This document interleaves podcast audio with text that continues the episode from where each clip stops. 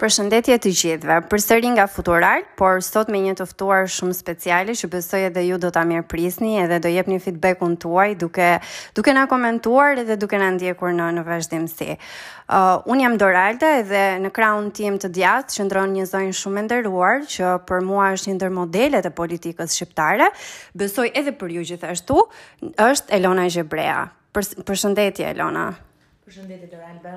Kënaqësia ime dhe faleminderit për të qenë pjesë e kësaj interviste interesante. Ju e dini që podcasti është një formë e re e komunikimit edhe një mënyrë që ne ta njohim njëri-tjetrin në dimensione që na na nxjerrin jashtë profilit politik në rastin tuaj, por na na çojnë në një profil edhe më individual, siç është ai i një zonje që merret me politikë në Shqipëri.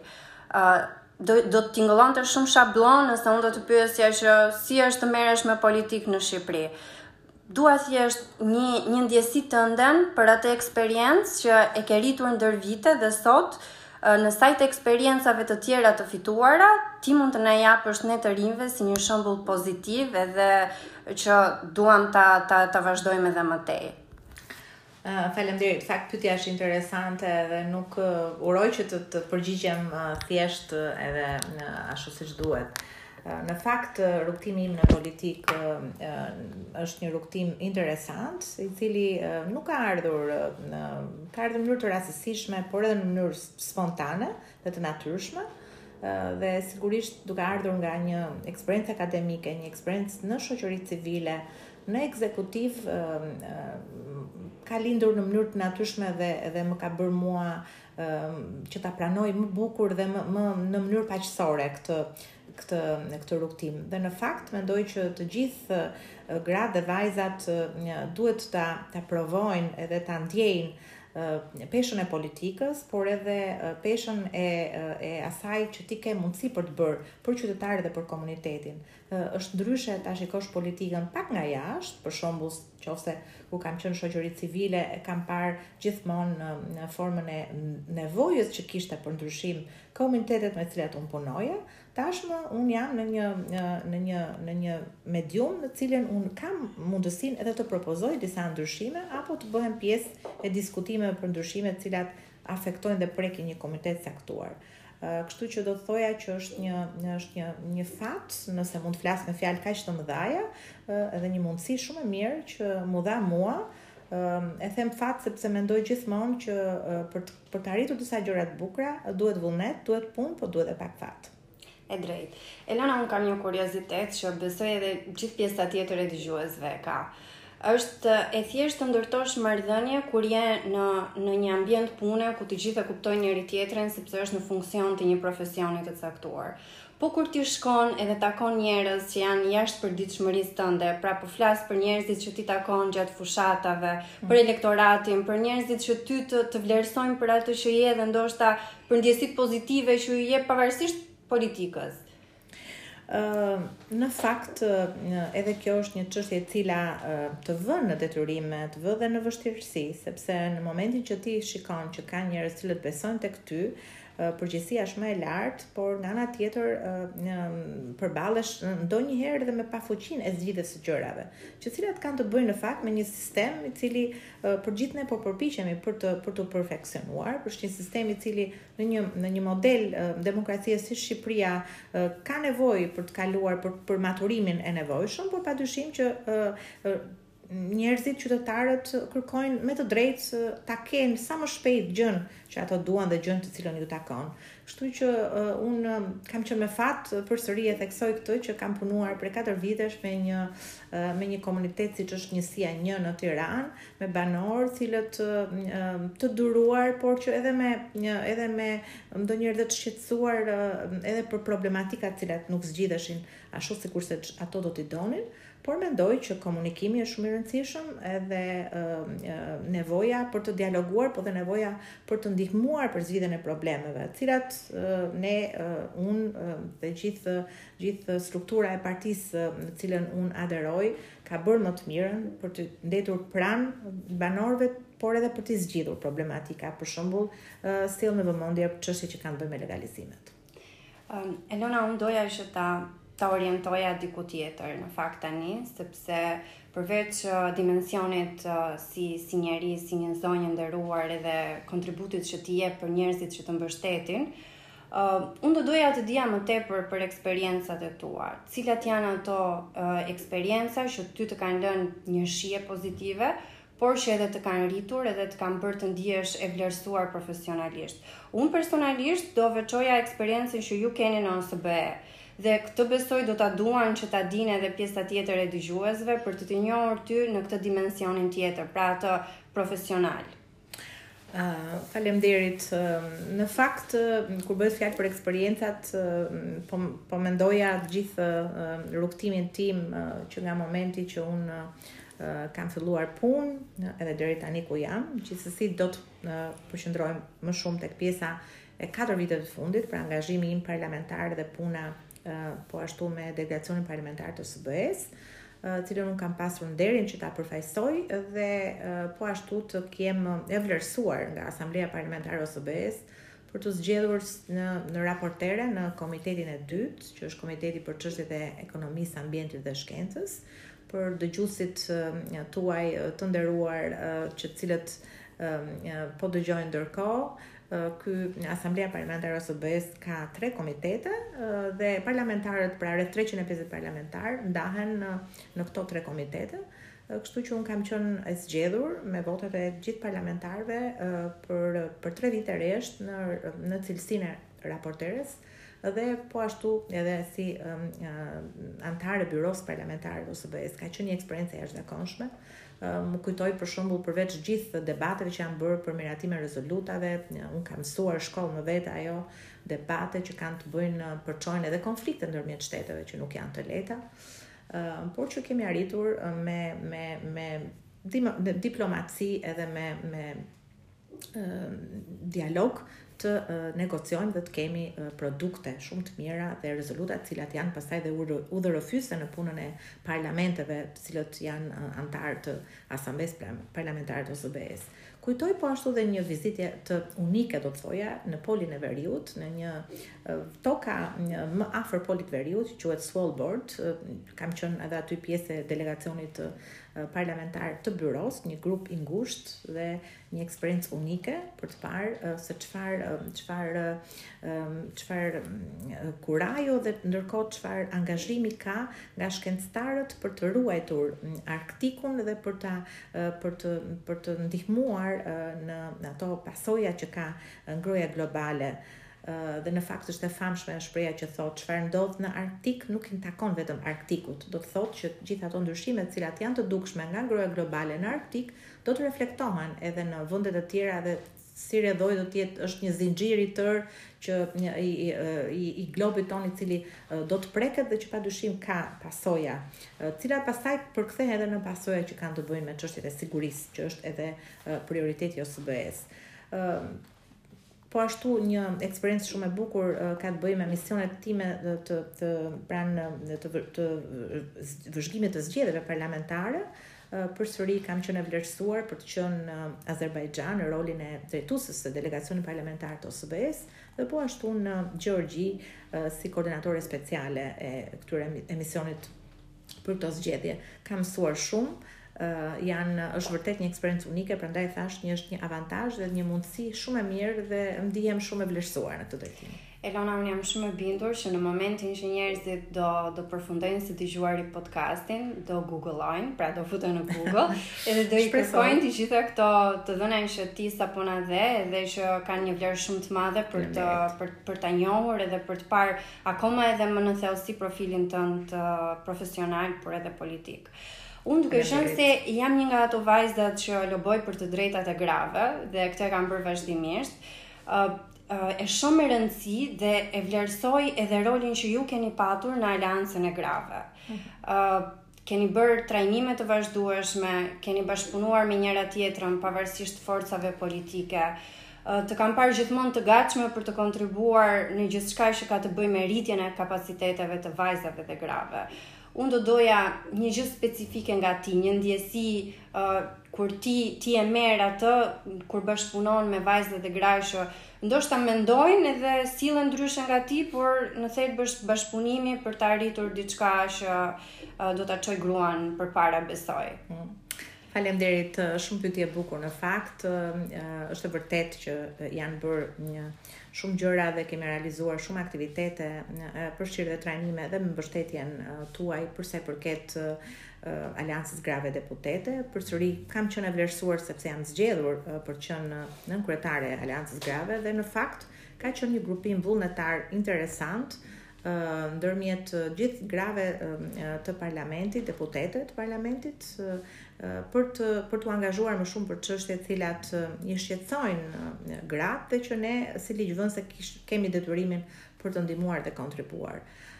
Ne kemi qenë shumë aktive, janë bërë shumë nisma, janë diskutuar shumë problematika, kemi ngritur zërin për shumë për shumë për shumë gjëra dhe besoj që disa adresime kanë gjetur rrugën e zgjidhjes. Por nga ana tjetër ajo që shikoj është që pavarësisht që gratë punojnë shumë, punojnë për ngritjen e tyre, lobojnë shumë mirë me njëra-tjetrën, kur vjen puna në një ambient mashkullor, përsëri Zëri i tyre nuk dëgjohet ashtu siç duhet.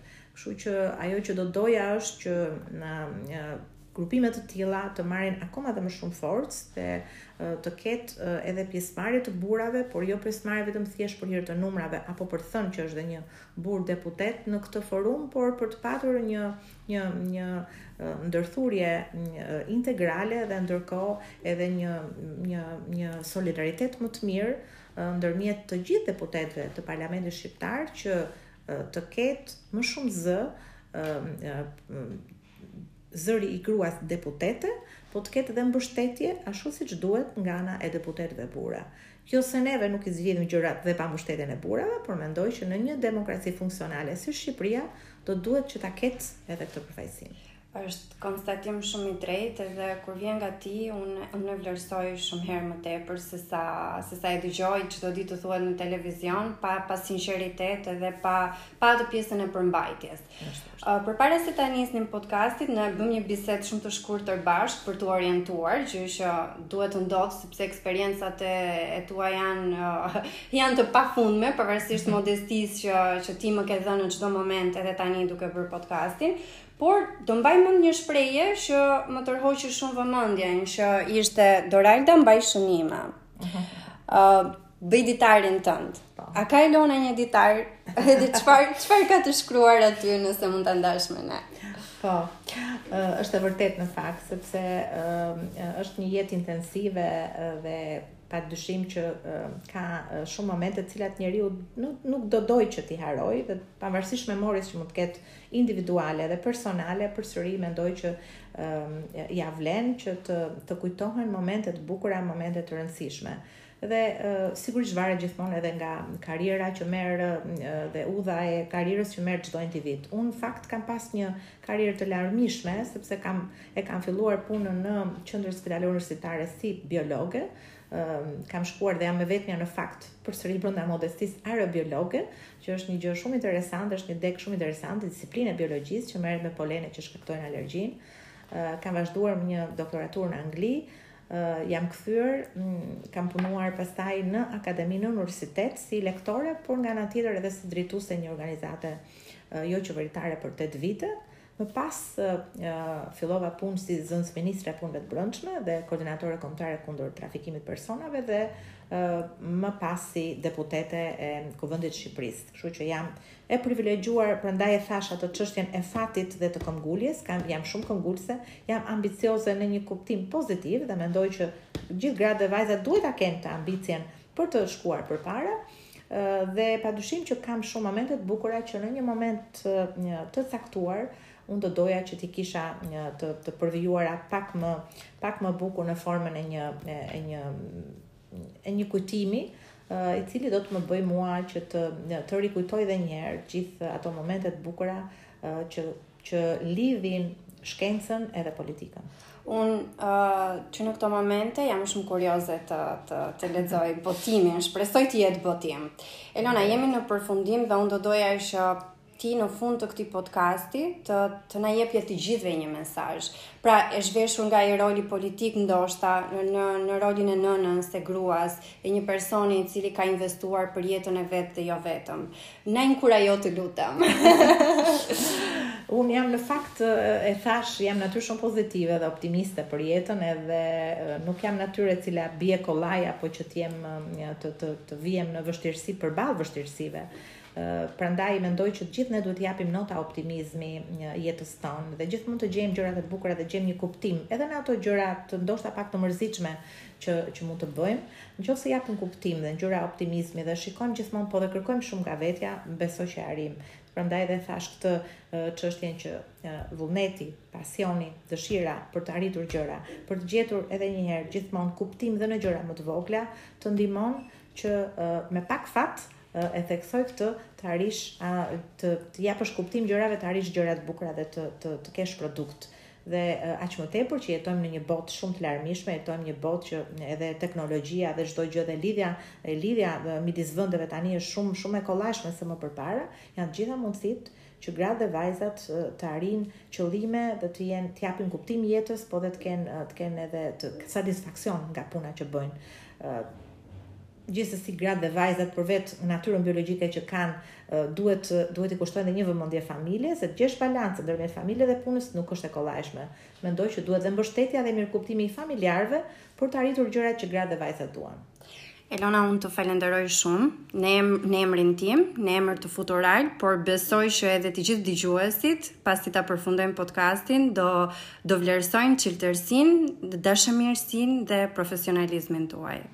Shumë falemnderit, t'i uroj Futural, ty në mënyrë të veçantë, suksese dhe më vjen mirë që mendoni dhe dëshironi që të promovoni modele që ju mendoni që për publikun kanë interes. Falemnderit. Përshëndetje të gjithëve. Në këtë podcast kemi një të ftuar speciale, e cila sot do na vijë në një format ndryshe. Pranë meje kam Romina Kuko, e cila sot do zbres nga imazhi politik drejt një tereni tjetër më të sigurt, që është ai që vjen si mikeshë. Përshëndetje Romina. Përshëndetje, përshëndetje të gjithëve. Fillimisht unë do doja të cilësoja që për Futural është një kënaqësi e veçantë dhe besoj që edhe pjesa tjetër e cila po na dëgjon nëpërmjet podcastit do të vlerësojë ty si një mikeshë shumë të mirë. Përpara se të vazhdonim me pjesën që ne do flasim lidhur me politikën edhe me çështje që lidhen me kontributin tuaj personal, por edhe profesional, unë do doja që ta shkrinim pak akullin edhe të flisnim për një pjesë e cila është e dukshme, por ka edhe kuriozitet. Si është të jesh një grua, një bashkëshorte, një nënë e dedikuar, por edhe një profesioniste shumë e mirë, si arrin balancën? Në fakt, unë dua së pari t'ju përgëzoj ju për iniciativën që keni marrë dhe për rolin që po luani në në një lloj jo seleksionimi, po një lloj filtrimi pozitiv të të kandidateve gra dhe duke iu dhënë njerëzve gjithashtu edhe një imazh ndryshe nga ai që ne shohim. Dhe e dyta, podcasti më pëlqen shumë sepse më sjell nostalgjinë e radios, edhe mendoj që njerëzit kanë më shumë nevojë të dëgjojnë sesa të shohin imazhe. Sepse gjithmonë ajo që hyn nëpërmjet veshëve është gjithmonë më e rëndësishme, kështu që urime edhe suksese në radhë të parë. Faleminderit. Uh, si është të jesh uh, grua, nënë, profesioniste, unë mendoj që kjo vjen me me kohën. Më përpara kam qenë bijë, vajzë edhe nxënëse, Pastaj kam qenë bijë, vajzë edhe studente në shkollë dhe më pas jeta bën të vetën që hyn në një profesion, hyn në një punë, martohesh, krijon familje dhe mendoj që pak a shumë është e njëjta mënyrë të të funksionuarit. Kështu që unë gjithmonë kam qenë një njeri e njeri që kam dashur të të, të bëj gjëra ndoshta nganjëherë çik më shumë se ç'duhet, sepse unë kam gjithmonë atë parimin më, më mirë puno kot se sa të rrish kot. Edhe mendoj që është një balancë e cila mund të ruhet, në qoftë se ti arrin të të përmbushesh në nivelin e duhur, dhe arrin të kuptosh edhe rëndësinë e gjërave.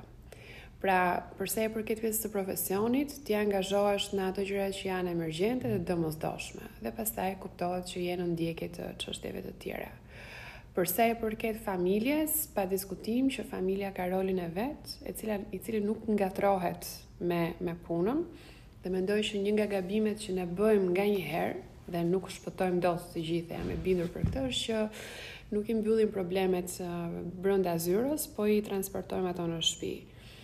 Dhe mendoj që disa herë të cilat kanë qënë të tensionuara, ma kanë mësuar në mënyrën e vështirë këtë leksion.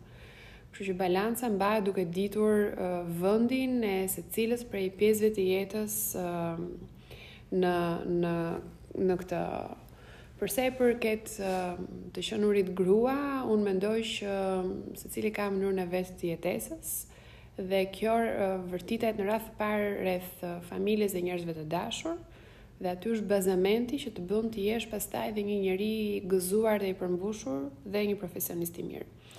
Romina në vazhdimësi të kësaj që ti the, unë në fakt do doja që të të pyesja, a të ndryshon politika, pra fakti që ti je në një pozicion i cili kërkon një angazhim shumë të madh. Pra, kjo është kjo është e vërtetë dhe ne e shohim se si sfidat rriten çdo ditë edhe ti pastaj e kupton që a ke ndryshuar? Uh, unë mendoj që politika nuk të ndryshon asnjëherë, në fakt asgjë nuk të ndryshon, thjesht të nxjerr në pah në mënyrë më të fortë për atë çka ti je realisht. Dhe ashtu si çdo uh, ujë i nxehtë, Pra, të të detyron që të nxjerrësh në pah se prej çfarë materiali je bërë, ashtu edhe politika që është një betejë dhe nuk është fare asnjë privilegj dhe asnjë luks të nxjerr në pah atë çka ti je. Kur kam ardhur në fillim në Ministri të Brendshme nga një punë shumë komode pranë OSBE-së, dhe them komode sepse ishte jo e ekspozuar publikisht, ishte një punë e cila kishte një rrjedhshmëri pak më të mirë se sa lufta e përditshme që ne kemi edhe për shkaqe të oponencës politike. Javën e parë ajo që kam bërë është ish kam kuptuar ku jam. Ë Dhe vendimi i parë ishte që kur të iki që këtu, do dua që të iki më e mirë dhe t'i lë gjërat pak më mirë. Dhe vendimi i tretë dhe më kryesori ishte që unë do të ruaj të njëjtit miq, të njëjtit njerëz, të njëjtën stil jetese dhe të njëjtat mënyra. Pra ishte një ekzigjencë e brëndshme.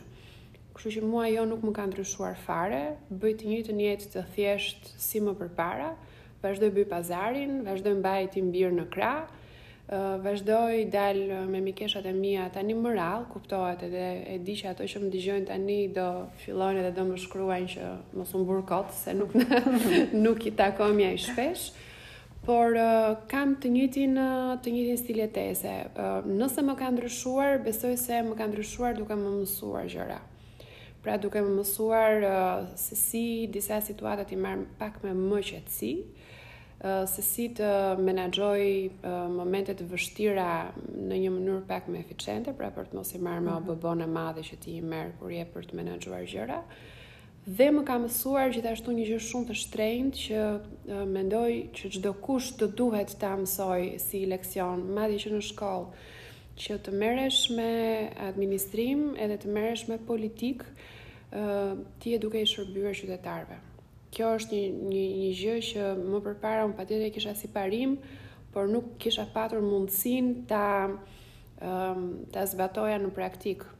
Kurse sot jam e bindur që mendja ime shkon gjithmonë se si kjo që jam duke bërë do ketë impakt mbi nënat, mbi prindrit, mbi fëmijët, mbi gratë, tjera. Ramina në vazhdimësi të të fjalës tënde dhe që është shumë e drejtë kur kur e dëgjon edhe pastaj fillon mendon. Por unë mendoj se ti një motiv e ke. Pra, për të gjitha nismat e tua, për të gjitha qëndrimet e tua, për gjithçka që ti bën për veten, komunitetin, politikën, diçka të motivon. Çfarë është ajo që nxit tek ti dëshirën për të qenë aktive, e dedikuar dhe ndonjëherë edhe shumë kërkuese tek vetja? Mendoj që motivi kryesor i çdokujt në jetë për atë që bën është familja dhe mënyra se si është rritur. Dhe unë mendoj se jam mjaftueshëm me fat që jam rritur në një familje me dy prindër idealistë, të cilët kanë dashur gjithmonë të ndihmojnë njerëz dhe kam pafundësisht histori të familjes sime dhe të prindërve të mi të cilët janë kujdesur për njerëz të tjerë, të familjes, miqtë e tyre apo edhe të panjohur në momente kur ata kanë patur nevojë. Pra, nëse prindrit e mi kanë patur në dorë, gjithmonë kanë bërë kanë bërë maksimumin për të ndihmuar. Dhe unë jam rritur në këtë klimë. Pra, nuk jam rritur kurrë në klimën e të kërkuarit për të patur diçkanë e tjetrit. apo për të kërkuar, për të patë, për të qënë uh, si tjetri. Jam rritur në një familje, thashë, uh, idealiste, e cila gjithmonë ka dhënë dhe gjithmonë ka patur integritetin si parimin kryesor. Kështu që unë kam përshtypjen se dëmi ka ardhur nga uh, mënyra e rritjes, uh, duke qenë edhe një çik në këtë filozofinë e samaritanit të mirë për të për të bërë gjëra të mira. Uh, Pastaj ka të bëjë edhe me rrethin shoqëror, me njerëzit me të cilët kam kam qenë afër dhe e kam parë që gjithmonë kur ti mbështet njëri tjetrin, gjërat shkojnë më mirë. Jeta është më e bukur, bota të duket më e bukur dhe ti vetë je më i gëzuar se s'ke dilema, nuk ke aciditete që të gërryejnë dhe nuk e vret mendjen me thënë të drejtën të shpenzosh këto pak uh, uh, kohë që të është lënë mbi tokë për të patur helm brenda vetes. Kështu që ky është motivi kryesor. Me kalimin e kohës e kam njohur botën më mirë dhe kam parë që gjërat nuk janë absolutisht rozë, siç mund ta mendosh kur je një vajzë e vogël që luan me kukulla. Por aty jashtë ka shumë nevojë për ndihmë dhe për kontribut. Kështu që kjo është shtysa më e madhe, fakti që kur e shef nga afër dhe kur shikon vuajtjet e njerëzve, ti duhet të bësh diçka. Edhe sikur ti të mos jesh në asnjë karrige apo në asnjë pozicion, të gjithë nga ne duhet të bëjmë diçka për të ndihmuar bashkënjeriun. Dhe ky është motivi. Motivi është për uh, pak, edhe pak kështu, uh, që vjen edhe pak nga librat e shenjtë, meqenëse sot jemi edhe në në hapjen e muajit të Ramazanit edhe kjo është e rëndësishme ta t'i uroj edhe besimtarët për këtë pjesë, por kur ti mundesh, jep dhe kur ti ke dy, njërën do ia japësh bashkënjeriut tënd. Ky është motivi kryesor. Faleminderit. Unë do doja në fakt të të, të, të shpjegoja dhe të të thoja që Futural është ka përfunduar ciklin e një pyetësori, i cili ka të bëjë me uh, ofertën gjinore politike dhe Romina Kuko është një ndër personazhet më të votuar në të. Uh, unë do doja që për besimin që njerëzit kanë tek ti, uh, të, të na thoje pse duhet ne ta besojmë Romina Kukon. E para, besimi i njerëzve është është përgjegjësi shumë e madhe. Edhe unë mendoj që të gjithë ata që duan të votohen apo të gjithë ata që votohen nuk duhet ta marrin si të mirëqenë besimin e njerëzve dhe nuk duhet ta marrin asnjëherë në uh, filozofinë që unë e meritoj këtë gjë. Në thelb ka shumë njerëz aty jashtë që e meritojnë, Dhe ka shumë profesionistë të cilët meritojnë të vlerësohen, të votohen. Kështu që kur ti përzgjidhesh nga njerëzit, së pari është përgjegjësi e madhe që duhet justifikuar.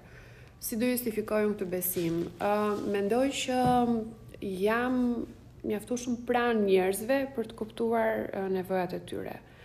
Dhe kam mjaftueshëm motivimin për të bërë gjëra për ta, për të justifikuar uh, besimin e tyre.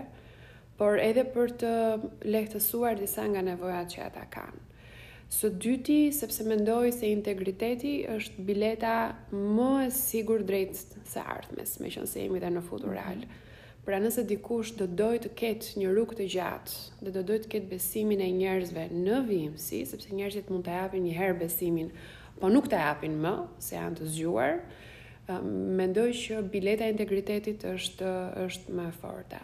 Dhe e treta sepse mendoj se kam mjaftueshëm eksperiencë për të mos e filluar nga e para, po për të patur një ide të qartë se çfarë do të bëj unë, do të bëj unë për ta për të të ndihmuar pak te kjo pjesë. Mm -hmm. Nëse nesër e shohim Rominën në kuvend, cilat do jenë çështjet që ajo do mbrojë, cilat do jenë ato kategori për të cilat Romina do do lobojë specifikisht. Mm -hmm.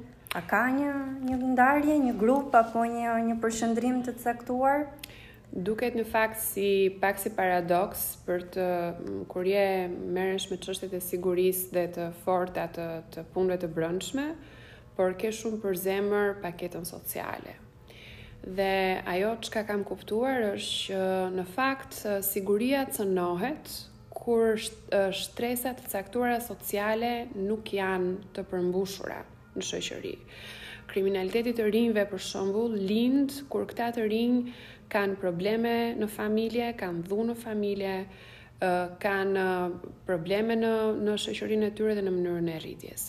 Kështu që ajo që unë kam për zemër, në fakt, është një paketë e plotë sociale dhe nuk kam një target grup të veçantë, për të thënë për shembull vetëm të rinjtë, sepse unë kam shumë për zemër që uh, prindërit e rinj dhe këtu afektohen fëmijët të kenë mundësi të bëjnë punët e tyre, karrierën e tyre dhe të kenë uh, mundësi që të shtojnë familjen e tyre pa patur dilemat se si do ta rrisin këtë familje dhe si do ta përballojnë jetesën.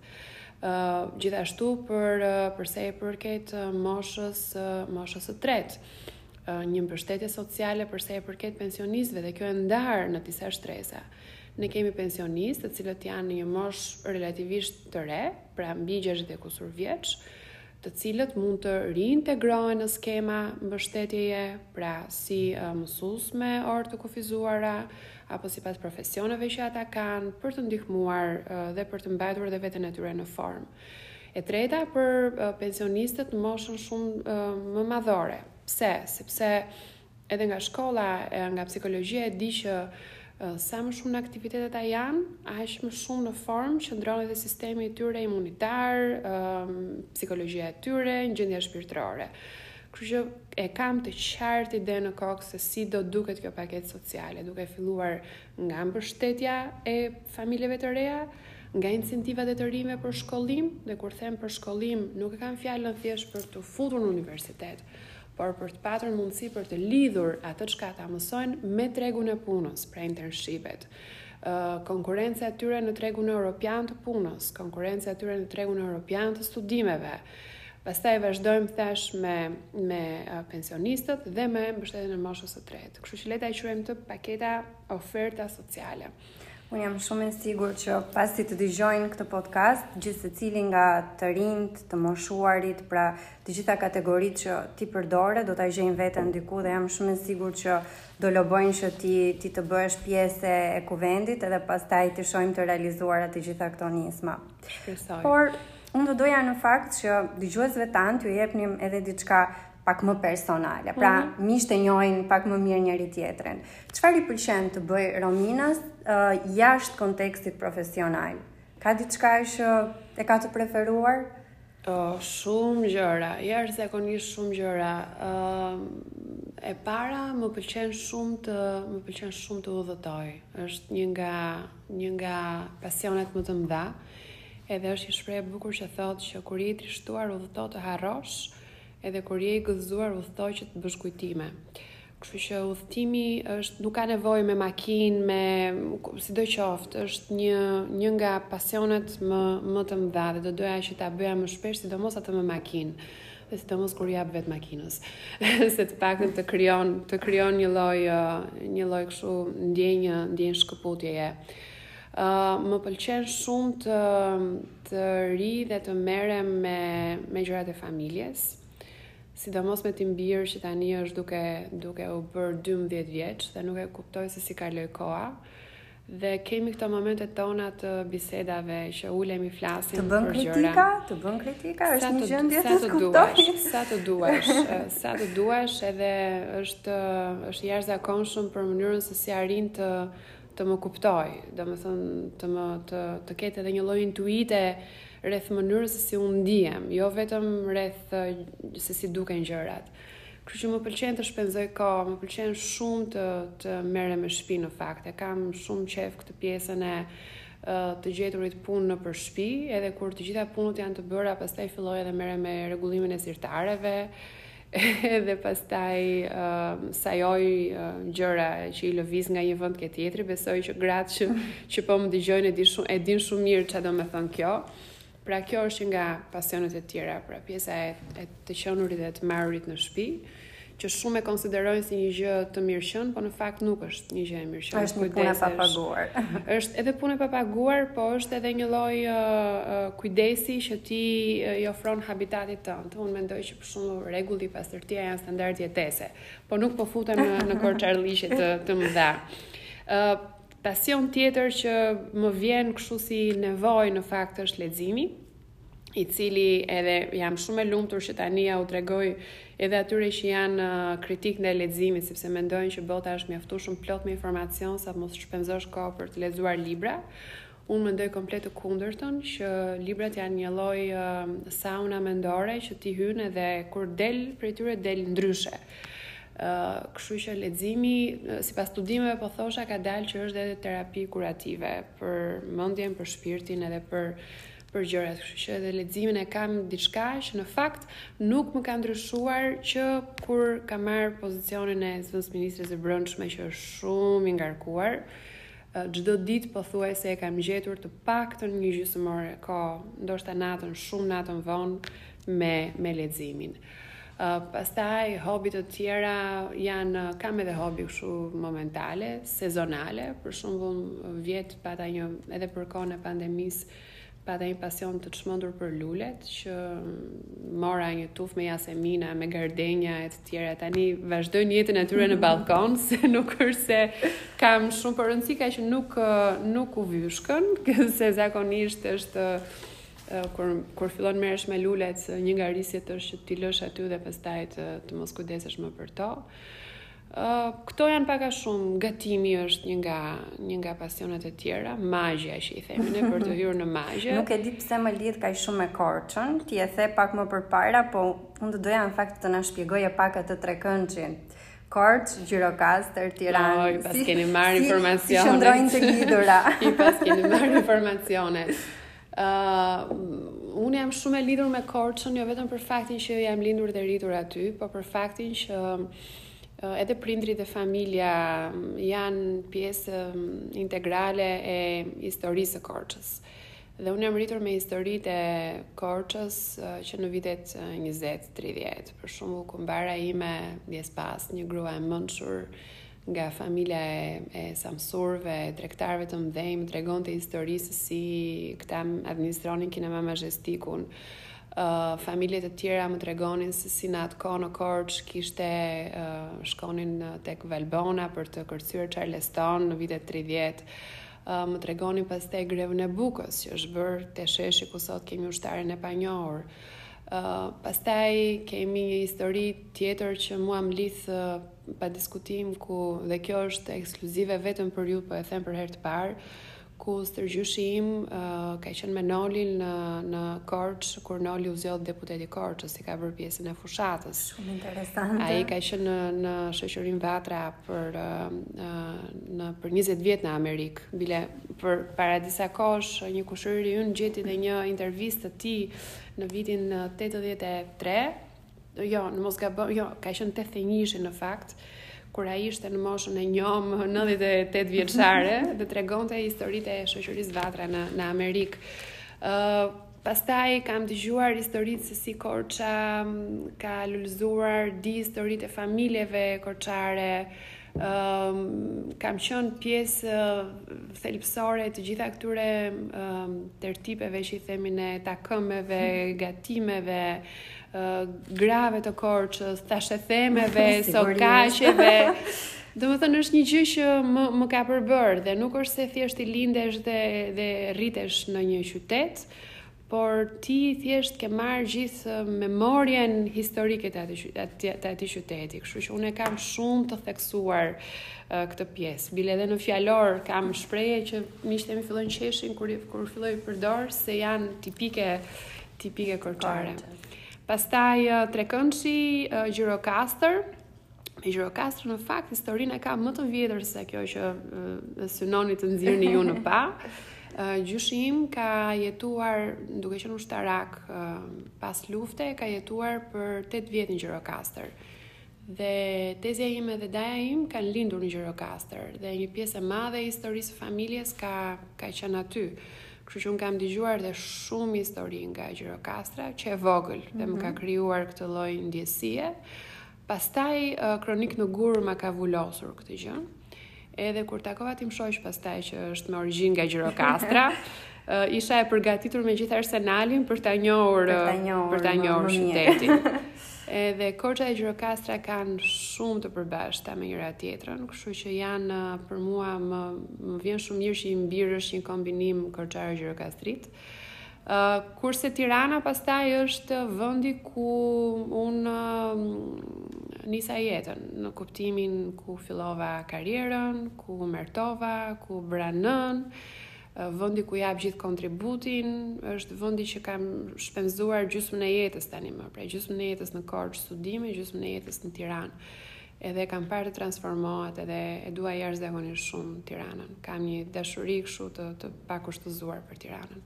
Sa bukur tingëlloi trekëndëshi i shpjeguar nga ti edhe që na na hoqi këtë pjesën e kuriozitetit që si si Romina i lidh këto tre qytete me njëra tjetrën. Uh, Rominë, ka diçka. Ne në podcastin tonë duam që përveç intervistave që bëjmë me personazhet, të ketë edhe një rubrikë specifike për të rinjtë. Mm -hmm. Dhe rinia sot është në kërkim gjithmonë të vetvetes, të mundësive, të të punësimit apo qoftë edhe të mundësive të tjera që japin një kontribut rritës. Tani unë do ta bëj këtë pyetje jo shabllone, mm -hmm. por në momentin që supozojmë që jemi në një intervistë pune. Po. Dhe ne duhet të punësojmë Rominën. Cila është pika më e fortë edhe më e dobët e Rominës që do na mbushë mendjen ne ta ta marrim në punë ose jo. Okej. Okay. Uh, tashi prapë do ta filloj Ok, më mirë ta nis nga pika më e fortë, se pjesa e pikës së dobët do më duhet ta mendoj pak. Ëm uh, pjesa e pikës pika e fortë mendoj që ëm um, Nuk e di në qoftë se vjen nga pak edhe nga natyra, nga vetë personaliteti, apo e kam të përftuar, po gjithmonë kam një i shof gjërat në të ardhmen. Uh, I shof me sytë e mendjes edhe jam një lloj kështu ëndërrimtari në vizione se si do duhet të jenë gjërat. Pra, kur mendoj për të bërë diçka apo për t'i dhënë zgjidhje një problemi, ndoshta nganjëherë edhe në mënyrë intuitive më vjen uh, përgjigja, e kam përgjigjen brenda vetes. Paçka se përpiqem ta analizoj, uh, e konsultoj gjithmonë, jam shumë e dhënë pas konsultimit, pas ekipit, jam me fat që kam një ekip shumë të mirë dhe nuk i marr asnjëherë vendimet vetë. Gjithmonë do t'i rra dhe do t'i uh, diskutoj me me ekipin. Por në një përqindje shumë të lartë të rasteve, konkluzioni është ai që kam patur unë si uh, si vi parandjenjë në në fillim. Pra kam një lloj intuite që E di, e di se se ku duhet të shkojë gjëja. Ndoshta vjen dhe nga eksperienca, do me thënë, kur ti ke parë shumë herë atë ushtrim, pastaj krijon përfton një lloj eksperience. Kështu që kam këtë dhe gjithashtu këtë e them pa modesti fare që kam një uh, vullnet të çmendur për të çuar gjërat deri në fund. Do me thënë nuk më pëlqen asnjë mënyrë që të filloj diçka ta lë ta lë në mes. O diçka që fillon, përfundon deri në fund dhe e kopsitur. Kështu që mendoj që këto të dyja janë të mjaftueshme për t'i lënë në dorë dikujt të të përfaqësojë dhe të kujdeset për atë çka ti ke merak. Pjesa e pikës pikës së dobët, tash njeriu nuk është kurrë perfekt, sa më pak sa më pak kur je në kur bën punë edhe edhe kush punon gabon. Ëh, nuk e di, nganjëherë mendoj që për pikën e dobët mendoj që tani do ata që më dëgjojnë do thonë do do japë një pikë të fortë që të duket si pikë e dobët.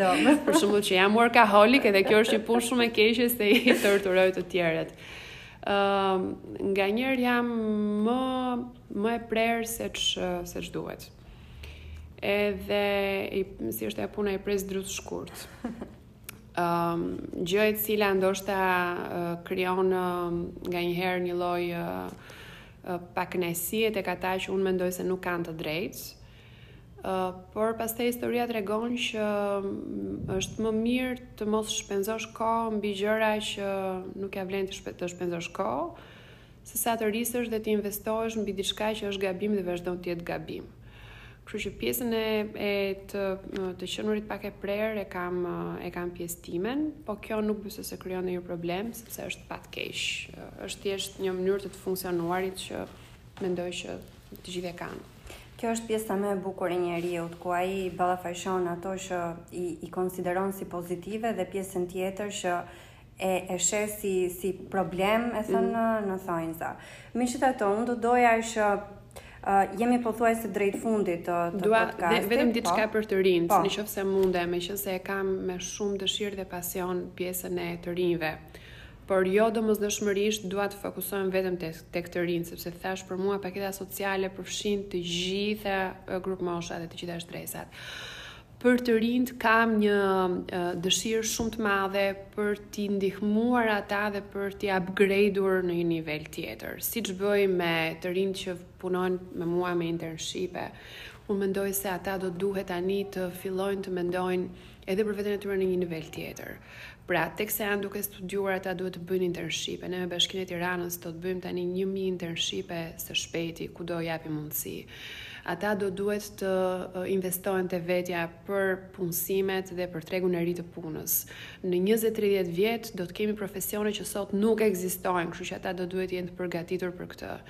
Do doja të isha shumë aktive për sa i përket mundësisë së tyre për bursat, për shkëmbimin e eksperiencave, sepse janë ata që janë europianët e parë. Nëse ne do hyjmë në BE nesër pasnesër, janë ata të rinj që do jenë europianët e parë. Kështu që uh, mendoj që për të rinjtë gjithashtu kam një pasion shumë të madh dhe ide të qarta se si do mund t'i ndihmoj. Kështu që uh, Thjesht doja doja ta thosha këtë se nuk doja të më kalonte shumë. Dhe bëre dhe bëre shumë mirë sepse unë jam shumë e sigurt që në momentin që të rinjtë do ta dëgjojnë këtë podcast, mm. do do interesohen edhe më tepër dhe do dinë ku të orientohen.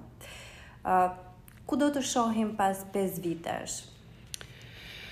Uh, tani nuk do përdor atë çka më erdhi në mendje direkt me me intuit, sepse nuk dua të të të jem kështu uh, tip Kasandre parashikuese, por të jeni të bindur që do më shikoni gjithmonë uh, duke bërë gjëra, uh, do më shikoni gjithmonë duke ndërtuar, kam një dëshirë shumë të madhe për të shtuar dhe për të zbukuruar, dhe do më shikoni gjithmonë në krah të uh, grave, vajzave, të rinjve, duke i ndihmuar ata dhe duke bërë uh, gjëra të përbashkëta. Për këtë të jeni të sigurt.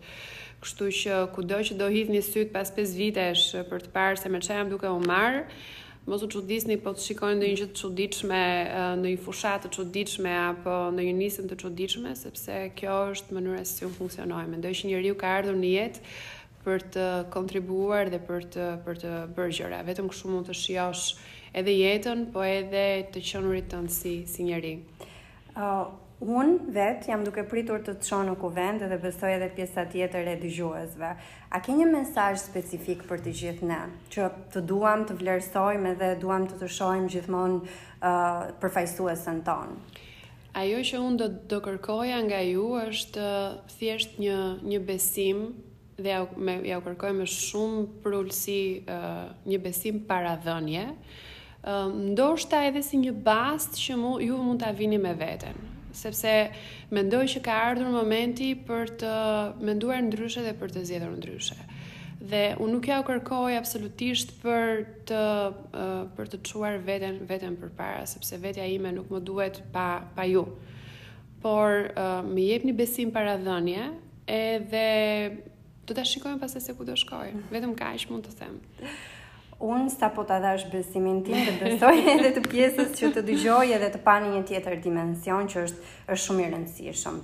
Romina, unë të falenderoj pafund për këtë podcast, për këtë intervistë dhe për faktin që arrite të dalësh nga imazhi i politikanes dhe erdhe në terrenin e sigurt, ku është imazhi i një gruaje, i një nëne dhe i një vajze të dedikuar. Faleminderit. Shumë faleminderit juve për mundësinë dhe unë përshëndes të gjithë ata që më kanë dëgjuar deri tani me shumë dashuri. Faleminderit. Përshëndetje të gjithëve. Ashtu sikundër e dini, në sesionin tonë 19 minuta, ne sjellim personazhe të cilët vijnë ndryshe nga ajo që i shohim vazhdimisht. Pranë meje ndodhet Jorida Tabaku, një politikane shumë e njohur dhe besoj të gjithë keni dëgjuar për të, e cila sot na ka premtuar se do vijë ndryshe, do vijë uh, e thjeshtë, e dashur dhe me këshilla miqësore për ju. Uh, përshëndetje Jorida. Përshëndetje, unë të falënderoj shumë uh, për mundësinë për të diskutuar. Uh, në fakt kam qenë pak e kufizuar dhe strikte në dhënien uh, edhe të pjesës time uh, personale dhe familjare, duke menduar që ndonjëherë dhe i bezdisim njerëzit me detaje që s'i takojnë dhe kam qenë më shumë e fokusuar tek pjesa profesionale, po unë të falenderoj që që ma dhe këtë mundësi të flasim ndryshe bashkë. Për mua personalisht, por edhe për dëgjuesit e Futuralt, besoj do jetë një kënaqësi e veçantë. Uh, e them këtë gjë sepse nisem nga një pyetësor që Futural ka ka shpërndarë në faqet e saj, lidhur me ofertat gjinore politike. Dhe nga analiza jonë e derimëtanishme ka rezultuar që ju jeni një ndër politikanet më të parapëlqyera kur flasim për Partinë Demokratike. A ka Jorida një një një motiv, një një shprehje e cila e e, e nxit atë të jetë përveçse shumë pozitive në në politikë edhe në jetën reale? Um, kam filluar pjesën publike të politikës në vitin 2009. Um, kam qenë e përfshirë në Partinë Demokratike për vite me radhë përpara dhe kam pasur vetëm diçka në mendje, edhe që e, ja vë vetes edhe si moto sa herë që kam një përgjegjësi dhe një punë. Uh, do ta them në anglisht sepse tingëllon më bukur po dhe në shqip më pas. Be nice to people on your way up because you will meet them on your way down. Duhet të mendosh për këdo që takon që po e shikon sot në një pozicion, po nesër do e takosh edhe pa pozicion. Edhe shpesh herë kjo është pushteti thonë që akumulon arrogancë, akumulon ndoshta edhe një mënyrë komunikimi pak më të ftohtë dhe unë përpiqem që të vendos anën njerëzore dhe të shoh anën njerëzore në fillim. Unë mendoj që Jorida nuk e ka pjesën e arrogancës edhe ftohtësisë, Por nga këndvështrimi im dhe i personave të cilët kanë dhënë mendimin e vet, je parë si një zonjë e cila pasqyron pozitivitet, por që edhe ruan një lloj etike e cila është shumë e parapëlqyer nga nga njerëzit edhe nga komuniteti dhe besoj ti tani e has edhe më tepër këtë këtë këtë qëndrim në momentin që je duke takuar ata njerëz të cilët janë edhe mbështetësit e tu. um, shqetësimi kryesor që marrim nga njerëzit dhe gjëja e parë që na thonë është a do jeni me ne mbas zgjedhjeve. Edhe unë jam përpjekur që këtë ta kem edhe si uh, si uh, diçka të përditshme punës time në këto 12 vitet e fundit që jam angazhuar në në politikë. Dhe na kërkojnë që të jemi të vërtetë. Janë lodhur njerëzit me gjëra fallco, me fjalime fallco, me gjëra të impostuara. Ato duan që të jesh drejtpërdrejt, Më premton, angazhohesh për dy elementë dhe dua që këto dy elementë t'i plotësosh. Nuk i bëjmë dot të gjitha, por dua që të jeni të vërtetë dhe të komunikoni me ne. Në fakt, mbas 30 vitesh tranzicioni të gjatë, edhe humbje shprese në shumë raste, njerëzit presin shumë nga ne. Edhe unë këtë jam përpjekur që të bëj. Po edhe në debatin politik, kam pasur fokusin gjithmonë tek argumenti, tek faktet, tek shifrat.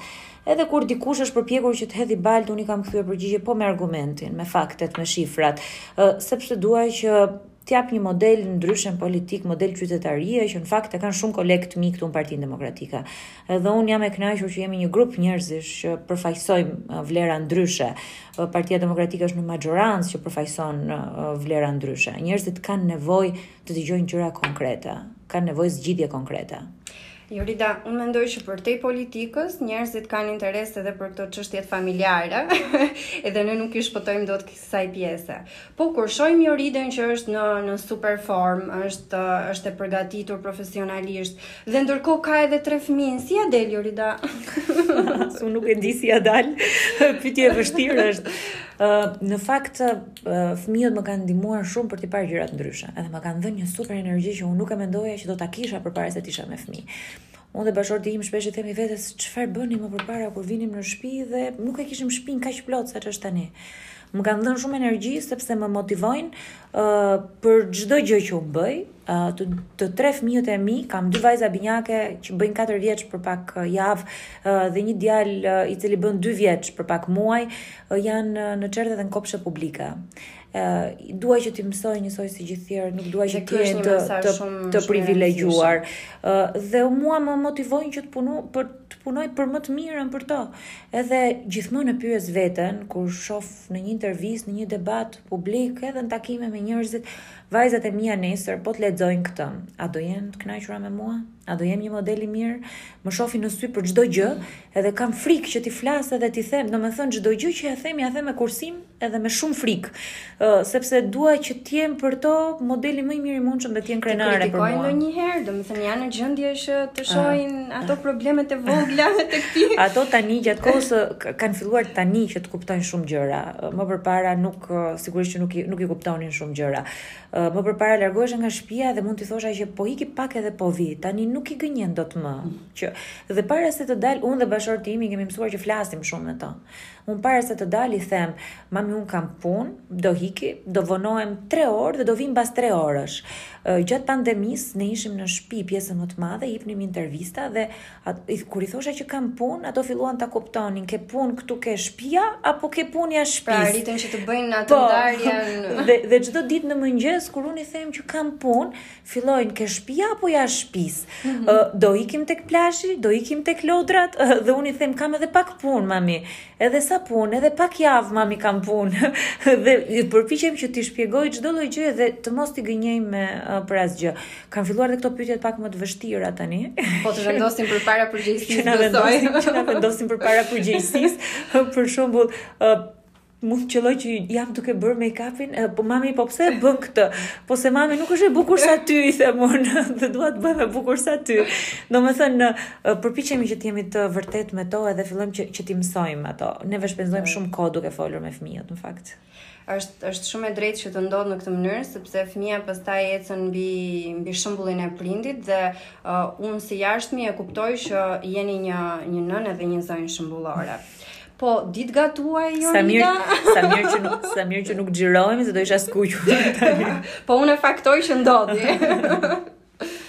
um, nuk i bëj dot të gjitha mirë, e kam të pamundur, uh, nuk kam kohë fizike, sigurisht që kur kam pak kohë gjatë fundjavave pranë familjes, neve rregullohemi me njëri-tjetrin, uh, vajzat e mia i kemi mësuar që të hanë çdo gjë. Kur kur ato kanë lindur i kemi mësuar nga gjërat që s'i preferojnë fëmijët, si spinaqi dhe brokoli, edhe deri te gjërat që fëmijët pëlqejnë shumë, uh, si picat që ndodh shumë rrallë. Uh, por uh, jemi përpjekur që t'i mësojmë që të ushqehen shëndetshëm. Uh, edhe unë diskutoj me to çfarë doni sot për darkë, edhe më vjen mirë kur më thonë për shembull që jo dua supë, jo dua bizele. Uh, jemi përpjekur që t'i mësojmë uh, që të hanë shëndetshëm edhe të bëjmë edhe kanë ato aktiviteti i tyre i preferuar është gatuajnë bashkë. Ëh sa mirë. Kanë shumë qejf dhe i duam uh, biskotat me forma dielli, hënë e yjesh. dhe mami gjithmonë e gjen kohën apo jo? Jo, jo gjithmonë, jo aq sa dua. Uh, përpiqem në maksimum. për gjërat që më kërkojnë, kur kur më kërkojnë diçka me insistim dhe ia premtoj, nuk i gënjej kurrë, i them po do ta bëjmë, do ta bëjmë nesër dhe e bëjmë nesër. Nuk dua që të kesh zhgënjime nga mua. Uh, Jorida më nxore te kjo pjesa që shpeshherë diskutojmë tek karakteri. Uh, a ka Jorida pika të forta apo të dobta që i konsideron tek vetja edhe nëse do doje t'i ndaje me ne? Um, Pikë e e fortë dhe e dobët që i njoh unë vetes, nuk e di që mund të merret njëherë e fortë e njëherë e dobët është pjesa emocionale. Unë shpesh herë jam shumë emocionale. Por shumë njerëz në politikë ma kanë konsideruar këtë si një pikë të fortë sepse lidhem me njerëzit. Nuk shkëputem dot nga problemet, nga shqetësimet që dëgjoj dhe të them të vërtetën në realitet ka varfëri pa fund, ka papunësi pa fund dhe e ke shumë të vështirë të shkëputesh nga ajo që dëgjon. Edhe kjo besoj që është diçka e mirë sepse më ndihmon mua që nesër të mendoj dhe të shoh edhe në drejtim të zgjidhjes së, së kësaj gjëje. Pikë të fortë vetes i njoh këmbënguljen. Um, besoj që jam um, persistente dhe këmbëngulëse në punën uh, që bëj edhe ndryshe nga çfarë perceptimi kanë njerëzit për tiranësit, jam edhe një çik punëtore, nuk jam përtace fare. Këtë do të thoja, më thuaj si tiranëse që je, çfarë çfarë karakteristika si uh, si si shfaqesh ti tek të tjerët kur kur del në terren edhe ballafaqohesh me me pjesën e elektoratit tënd, domethënë a ka ti e njeh shumë mirë Tiranën, domethënë nëse dikush mund të flasë për Tiranën je ti. Je një vajzë e shkolluar, je je një vajzë që ke jetuar aty dhe tashmë edhe edhe në sajë fushatës ti je cep më cep. Uh, Si si të bën ty të dukesh tek të tjerët? Ëm, um, nuk e mendoja që prejardhja ime familjare do kishte ndikim edhe në pjesën politike, po edhe në pjesën e komunikimit me njerëzit. Vij nga dy familje të mëdha tiranse, Tabaku dhe Turdiu. Në fakt e kam nder dhe krenari. Gjyshërit e mi nga ana e mamit kanë qenë mësues, pedagogë, familja e gjyshit Turdiu është një nga themeluesit e matematikës, jam kam kam po të them jetuar me libra algoritmesh në moshë të vogël, ndërkohë që nga ana e babit kanë qenë tregtarë pronarë tokash që fatkeqësisht prej regjimit komunist kanë vuajtur dhe persekutuar shumë nga të dy anët në fakt. Ëm mua më vjen kënaqësi kur kudo që shkoj, uh, dikush autokton të vjetër në Tiranë, kur i thua jam nga kjo familje, e përmend me me kënaqësi. Edhe ndjej si një obligim edhe unë që të bëj diçka të mirë, që edhe nesër brezat kur të thonë uh, që kam lidhje me Joridën, të jap një kontribut vogël. Është e vërtetë që komuniteti i Tiranës jo gjithmonë është vlerësuar, është shpeshherë nëpërkëmbur, jo uh, përfaqësuar ashtu siç duhet, uh, siç i takonte. Um, unë në fakt kam një lidhje të veçantë me qytetin sepse jam rritur në pjesë të veçanta të vjetra të Tiranës, me shtëpia private, me rrugica me kalldrëm, e kujtoj me shumë nostalgji edhe fëmijërinë time, po edhe ato rrugicat që nuk janë më në pjesën më të madhe të rasteve. Jam rritur nga gjyshe që më kanë mësuar që ta dua shumë uh, Tiranën edhe kur kam qenë jashtë me studime, çdo moment që kam pasur e kam përdorur për t'u rikthyer këtu, Çdo dy muaj, për t'u rikthyer këtu se këtu e gjeja veten, s'kishte vend tjetër. Dhe kjo është gjëja më e mirë që që mund të bësh, të rikthehesh dhe të japësh kontributin tënd aty ku më së shumti ka nevojë. Por unë të doja të të pyesja në fakt me uh, në vazhdimësi të, të, të asaj që thashë më herët që ke dalë një ndër gratë e preferuara nga Partia Demokratike, uh, të të bëje me dije njerëzit që ty të mbështetin fort edhe t'ju t'ju thoje se Ku do fokusohet Jorida nëse pas datës 25 e shohim në në parlament. A ke disa çështje që janë të tuat, domethënë çështje të cilat janë të miat dhe që i kam mbajtur gjatë këtyre kohëve ka qenë së pari ekonomia. Fokusi im, profesioni im është në ekonomi. Së dyti ka pasur në 8 vitet e fundit veçanërisht një betejë kundër korrupsionit. betejë të cilën unë jam e angazhuar për ta vazhduar, fatmirësisht është një, një vullnet politik i partisë ku unë bëj pjesë. Çështjet e integrimit europian e kam nisur karrierën time si zëvendësministre e integrimit, edhe jam shumë e angazhuar në çështjet e integrimit europian dhe pastaj rrjedhimisht cilësia e jetës, arsimi, çështje të cilat prekin gratë, çështje sociale, Po ajo që është më e rëndësishmja për komunitetin tim të përndjekur dhe pronarët. pra, ti ti tashmë e ke e ke fokusin të qartë. Po cila do ishte kategoria specifike që do doje ti të fokusohesh, pra të bësh maksimumin për atë sepse ti shikon që ka mangësi? Rinia.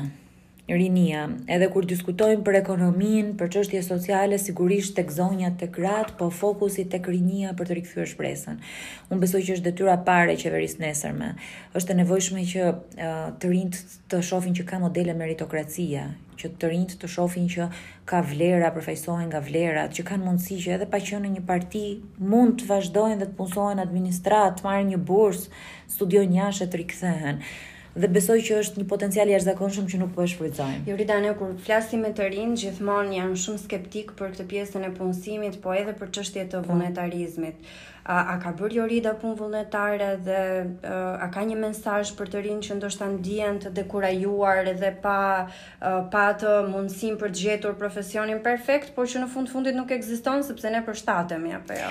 Unë është e kotë të të them që me këtë rrëmujë që kam me ngarkesën profesionale dhe familjare, unë gjej kohë që të bëj edhe punë vullnetare. Por, kur kam qënë studente dhe pedagoge, kam nisur punën time të parë si pedagoge në fakultetin e ekonomisë, e kam gjetur kohën.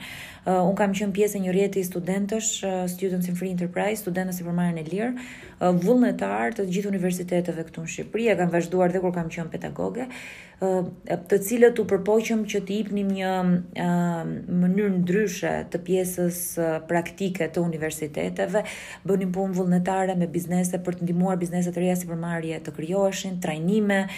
Pra është diçka për cilën unë e kam bërë pothuajse 3 vite në universitet dhe 2 vite pas pas tij. E kuptoj. Pra, rezultatet tashmë janë të dukshme dhe më kanë ndihmuar mua që të shikoj anën praktike të gjërave, të lidhem me tregun, sepse të jemi realistë universitetet tona kanë mangësi në lidhje me tregun e punës, por më ka ndihmuar shumë edhe për kontakte me ndërkombëtarët dhe për të vendosur edhe një farë marrëdhënie me to.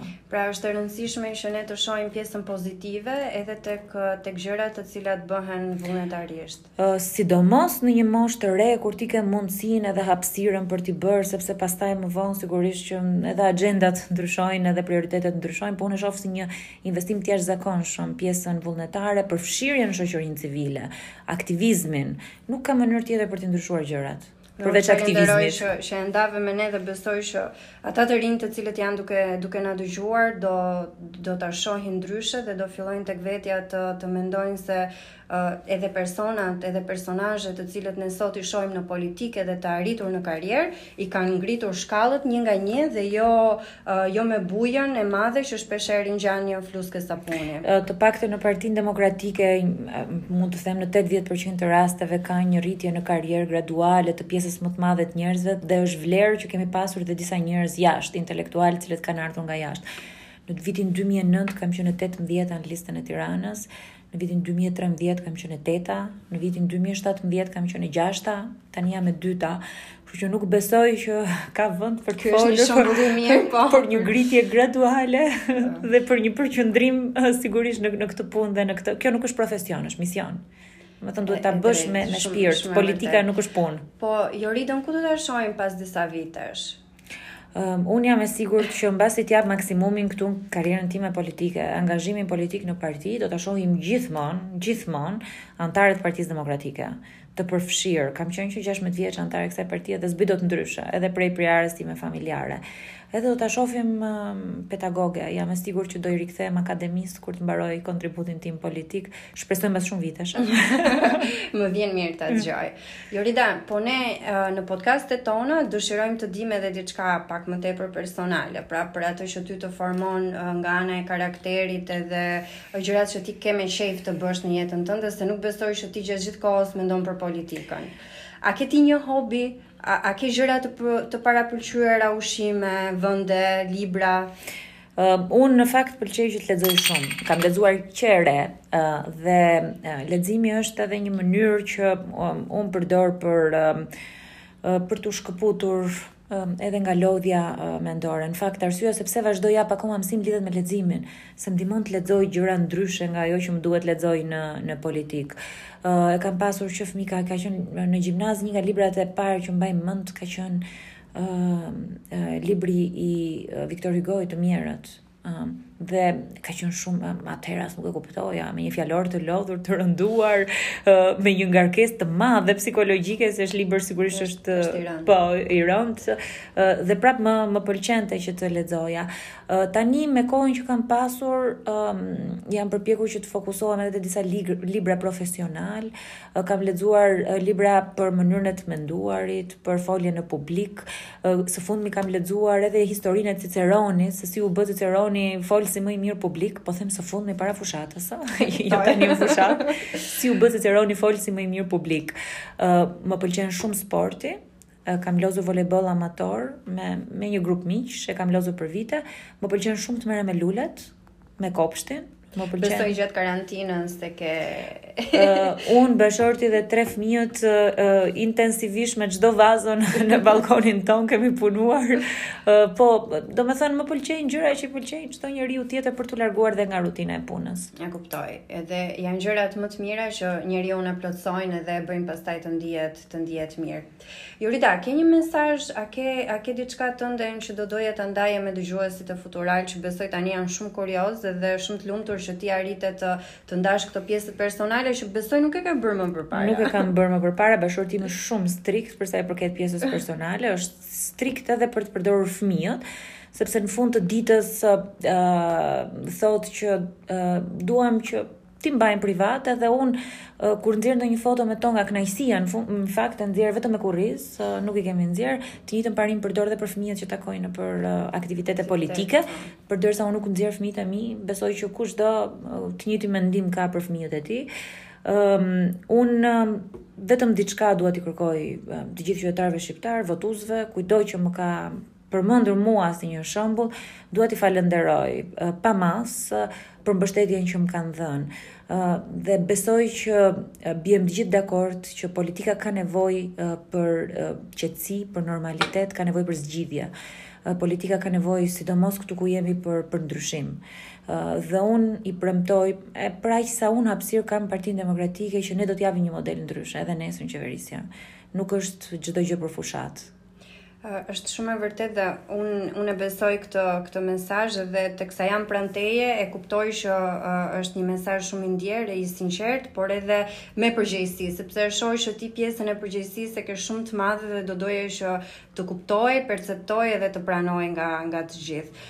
Jorida për mua ishte kënaqësi shumë e madhe që uh, arrita të të bisedoj me ty, po të them ty sepse tani tashmë tashmë u, u bëm u bëm familjar në sensin mm. që uh, do do dëgjohet nga të gjithë dhe unë e di që secili prej dëgjuesve do ta gjej veten tek tek Jorida. Unë të falënderoj ty për komoditetin që më dhe në bisedë, sepse më bëre edhe mua që t'jem më e çlirët. Kënaqësi edhe besoj do të të shohim ndryshe edhe akoma edhe më, më të fort pas datës 25. Falemderit dhe shpresoj që dhe ti të na votosh. Vota është e fshehtë. numri, numri 9, e di vetë. Falemderit, Jorida. Përshëndetje të gjithëve. Sot, ashtu sikundër e kemi lajmëruar edhe ditët e tjera, kemi një sesion special të Futuralit, bazuar në ofertën gjinore politike, ne jemi duke kontaktuar dhe duke intervistuar të parapëlqyerat tuaja, pra gratë kandidate të parapëlqyera. Këtu me mua ndodhet Brisida Shehaj, e cila pranoi me kënaqësi të bëhet pjesë edhe të ndajë me ne jo vetëm çështjet e politikës dhe profesionit, po edhe duke e ngacmuar pak nga ana personale. Përshëndetje Brisi. Përshëndetje, kënaqësi. Kënaqësia është e imja edhe dëgjuesve të Futural. Bris, uh, si është të jesh në politikë në Shqipëri? S'e di ende, por unë bëj pjesë te ata njerëz që politika i ka zhgënjyer shumë këto vite. Dhe me shpresën që ky sesion i ri parlamentar do jetë ndryshe, me shpresën që shqiptarët do votojnë brezin e ri, me shpresën që shqiptarët do ndëshkojnë brezin e vjetër për gjithë çka nuk kanë bërë në Shqipëri. Kur ta shoh si është politika, do të të them, me shpresën që mos zhgënjehem prap. Në diskutimin paraprak ti më the që puna jote e parapëlqyer ka qenë terreni. Pra ti je një vajzë që nuk parapëlqen të rrish në zyrë dhe të të presësh që të tjerët të bëjnë punë për ty. Si është të shkosh derë më derë të takosh njerëz edhe çfarë gjëra të kanë mbetur ty nga këto komunikime? si është të shkosh në dyert e shqiptarëve? Është motivuese, është zhgënjyese për çka nuk është bërë, ka pas lot kjo fushatë, ka, kam dëgjuar halle, probleme, dhe kur ti sheh të tilla gjëra, kjo të bën të të zhgënjehesh dhe të urresh ndoshta edhe më shumë atë çka politikanët nuk kanë bërë në Shqipëri në këto 30 vite. Dhe jemi aq vend i vogël sa mund të ishin bërë shumë më shumë për shqiptarët. Nuk nuk mendoj që shqiptarët duhet të ishin në kufijtë e mjerimit. Në luftën për mbijetesë. Shqiptarët sot kërkojnë mbijetesë dhe kjo është e turpshme. Më më më bën të të ndihem keq ky konstatim i yti, megjithatë ndoshta falë asaj që ti ke ke programuar edhe asaj që ti mendon se duhet të bëhet më mirë, unë nuk dyshoj në në perceptimin edhe në në realitetin që ti do të të ndërtosh. Jo, jo, të gjithë më thonë, po pse mo ti do e bësh ndryshimin, ama me një nuk ndryshohet. Unë them se shqiptarët kësaj radhe kanë mundësi me votu kandidatë, që do të thotë kanë mundësi të votojnë një emër. Dhe ndryshimi duhet të fillojë diku, se është 5%, se është 10, po duhet të fillojë, domethënë duhet të vihen ca baza. Se nëse ne vazhdojmë me këtë shpi kështu që është pa pa themele, ne asnjëherë s'kemi për të pasur një Shqipëri të shëndoshë. Kështu që duhet të fillojë diku dhe shqiptarët duhet ta mendojnë këtë gjë, mos ecim me idenë që ja këta janë këta të vjetrit, s'do i lënë këta të rinjtë. Jo, jo, mendoj që në lista ka ka djem dhe vajza, nuk dua ta ndaj vetëm vajzat, ka djem dhe vajza të shkëlqyer Që shqiptarët duhet të mendojnë që të votojnë ndryshimin dhe të ndëshkojnë ata që i kanë lënë tridhjetë vjet kështu. Të drejtë. Brisi, unë doja në fakt përpara se të vazhdojmë edhe të flasim për profesionin, arritjet e tua, punët që ti ke bërë, ndoshta dhe familjen, se ne shqiptarët vdesim për pak thashetheme. Po unë. Por të shëndetshme. um, Kur kur kontaktoj me njerëz të ndryshëm ose kur themi emrin tënd, ne automatikisht e lidhim me atë shprehjen. Edhe ku qëndron problemi këtu? Ma më shpjegon pak. Dhe i famshëm doli. Po. Unë nuk e mbaj mend fare për çfarë kam thënë në ato momente, ka qenë një intervistë, një biles kisha mbledhë disa gazetarë dhe po diskutonim rreth problematikave që kishin tatimet. Edhe ajo asaj çka unë mendoja diskutonim biles Në një moment të caktuar kam diskutuar edhe tatimin mbi pagën, që ne shqiptarët, domethënë tatohemi bruto, nuk tatohemi, nuk na hiqen shpenzimet dhe për mua është një një pjesë thelbësore e atyre që asaj çka duhet bëjmë në këto 4 vite që shqiptarët mos tatohen më për bruto. Por që këtë pjesë nuk e mbaj mend, është një moment që e kanë kapur, e ka kap Deli. E ke shijuar? Shumë, po shumë. Unë me Delindën jam njohur aty, dhe ne jemi mikesha shumë të mira sot e kësaj dite. Nuk dhe sa herë që ajo vazhdon dhe çdo të shtunë Ka një moment që më përmend sërish mua një rol që me takimin kombëtar me Monën mos gaboj. Dhe unë qesh. Qesh, po qesh dhe i them dhe biles, po i thosha herën e fund, duhet të paguem për atë rritjen e shikueshmërisë. Po, po, po, po, po, rritjen e shikueshmërisë të Klanit, dua parat mbrapsh. Uh, kur të kur të kontakton nga afër je tjetër nga ajo që të shohin në televizion dhe unë e faktoj këtë, do me jam përballë teje dhe e shoh që Je një vajzë e formuar, e, e komunikueshme dhe pa, pa ato barierat e politikës. Por unë mendoj që ti duhet kesh diçka në karakterin tënd që e pëlqen shumë edhe një që nuk e pëlqen fare. Unë jam njeriu që vetes nuk i njoh të mira hiç. Më duket kur dalin njerëz të flasin se unë se kështu them është më duket është pra, a doni më për Belulin. Një gjë që s'ia pëlqej vetes, unë i kam ngjarë çik babit nga kjo pjesa. Ime ëmë është natyrë shumë e qetë, më i, im atë është nga Përmeti, ime ëmë është nga Tepelena. Por në fakt, në fakt janë invers në karakter. Ime ëmë është natyrë e qetë si me qenë nga Përmeti dhe im atë është me qenë nga Tepelena. Edhe kemi një nerv në 5 minuta, që kur kemi atë 5 minutëshin e nervit, më mirë mos fol. Pastaj bie nervi kërkoj falje dhe kur them një fjalë më tepër, unë kërkoj shpesh falje, nuk e kam për turp ose të kem probleme që të duket sikur është ulje. Kërkoj falje, kërkoj shpesh falje kur gaboj. uh, po që atë pesë minutëshin e nervit, atë damarin mes të ballit, i kam ngjarë babës me krenari të madhe për babën, po jo për e shqiptarëve në përgjithësi. Jo. jo. Jo, jo. Domethënë ne e kemi çik këtë pjesën. E kemi dhe në bukur që më thotë si ia bëni të dy kur ju bie të dyve njëkohësisht. Por kemi mësuar me kalimin e kohës i hapim rrugë njëri-tjetrit, kështu që jemi jemi në rregull. Meqë kalove vetë tek familja. A të kritikojnë ata? Domethënë, a ka gjëra që kur ti përfundon një sesion të caktuar janë prindërit që që të vendosin përballë përgjegjësisë po, dhe po, thonë, po, po, po. Dëgjoj se po, po, po, po. Po. Un uh, im at ka qenë ndër pesë kolonelët e parë në Shqipëri dhe ka një një autoritet shumë të fortë mbi mua, po jo për shkak të, të agresivitetit, po për shkak të trurit tij. Edhe ime më gjithashtu. Domethënë nuk, nuk unë gjëja e parë që bëj në mëngjes është flas me ata dhe në darkë kur mblidhemi në shtëpi është mendimi dhe opinioni atyre. Kam tim vlla i cili është gjatë gjithë kohës me mua, ka vetëm ne kemi 3 vjet diferencë, po jemi shok të ngushtë, nuk jemi motër e vlla. Kam dy shoqet e mia të ngushta që i kam motra, nuk i kam shoqe të ngushta. Edhe Eva Lela, më të gjithë unë i kam kështu opozitë në shtëpi. E kanë këtë pjesën e opozitës, sa ka momente që them, po mirë, më nuk unë deri këtu nuk arrita vetë tani që unë nuk bëj ndonjë gjë mirë. Po që gjithmonë duan më të mirë nga unë dhe nuk edhe i adhuroj fort për këtë që ata nuk janë dorëzu kurrë me mua.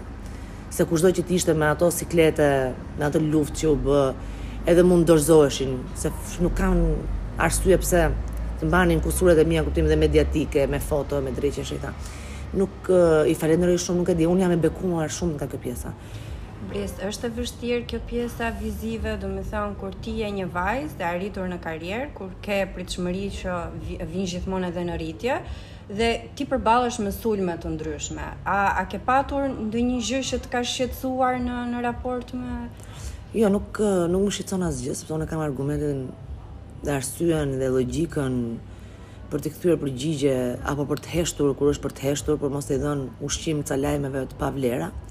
Ajo që është e shëmtuar në Shqipëri është që media është shumë e përdorur, që do të thotë paguhet për të sulmuar dikë, apo në qoftë se ti i kërkon llogari medias për atë që duhet të jetë korrekte si çdo biznes tjetër në Shqipëri, të përkthehet në luftë. Unë luftën e kam bërë, do vazhdoj ta bëj, ja ku jam prap sot, për sa kohë jam shumë e qartë dhe e qetë me veten time që unë nuk kam dëmtuar askënd, as shtetin, as një individ të caktuar. U bënë shumë vite që unë jam larguar dhe deri më sot jam krenare vetëm për diçka. përpos shifrave që nuk i them unë, po i thonë të tjerë të këtyre 30 viteve të fundit, jam krenare sepse nuk kam bërë dëm te askush. Dhe nuk kam një akuzë. Me sikur një akuzë të vetme korrupsioni, do ishte dëgju për një gjë.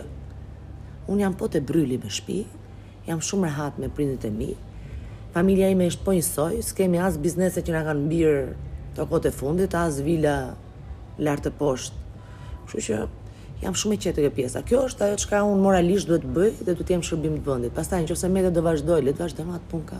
Reklamë falas. A ke ti ndonjë çështje që e ke për zemër dhe po fokusohesh tashmë? Domethënë një kategori të caktuar që ti e e e, e ke synuar se duhet ta ndihmosh apo Uh, duhet të kontribuosh edhe ti në përmirësimin e disa kushteve. Beso Brisin, gjithë Shqipëria është bërë kategori e caktuar. Do të thotë ti ke varfëri kudo që shkon. Ti ke familje që nuk mbulojnë dot shpenzimet shëndetësore.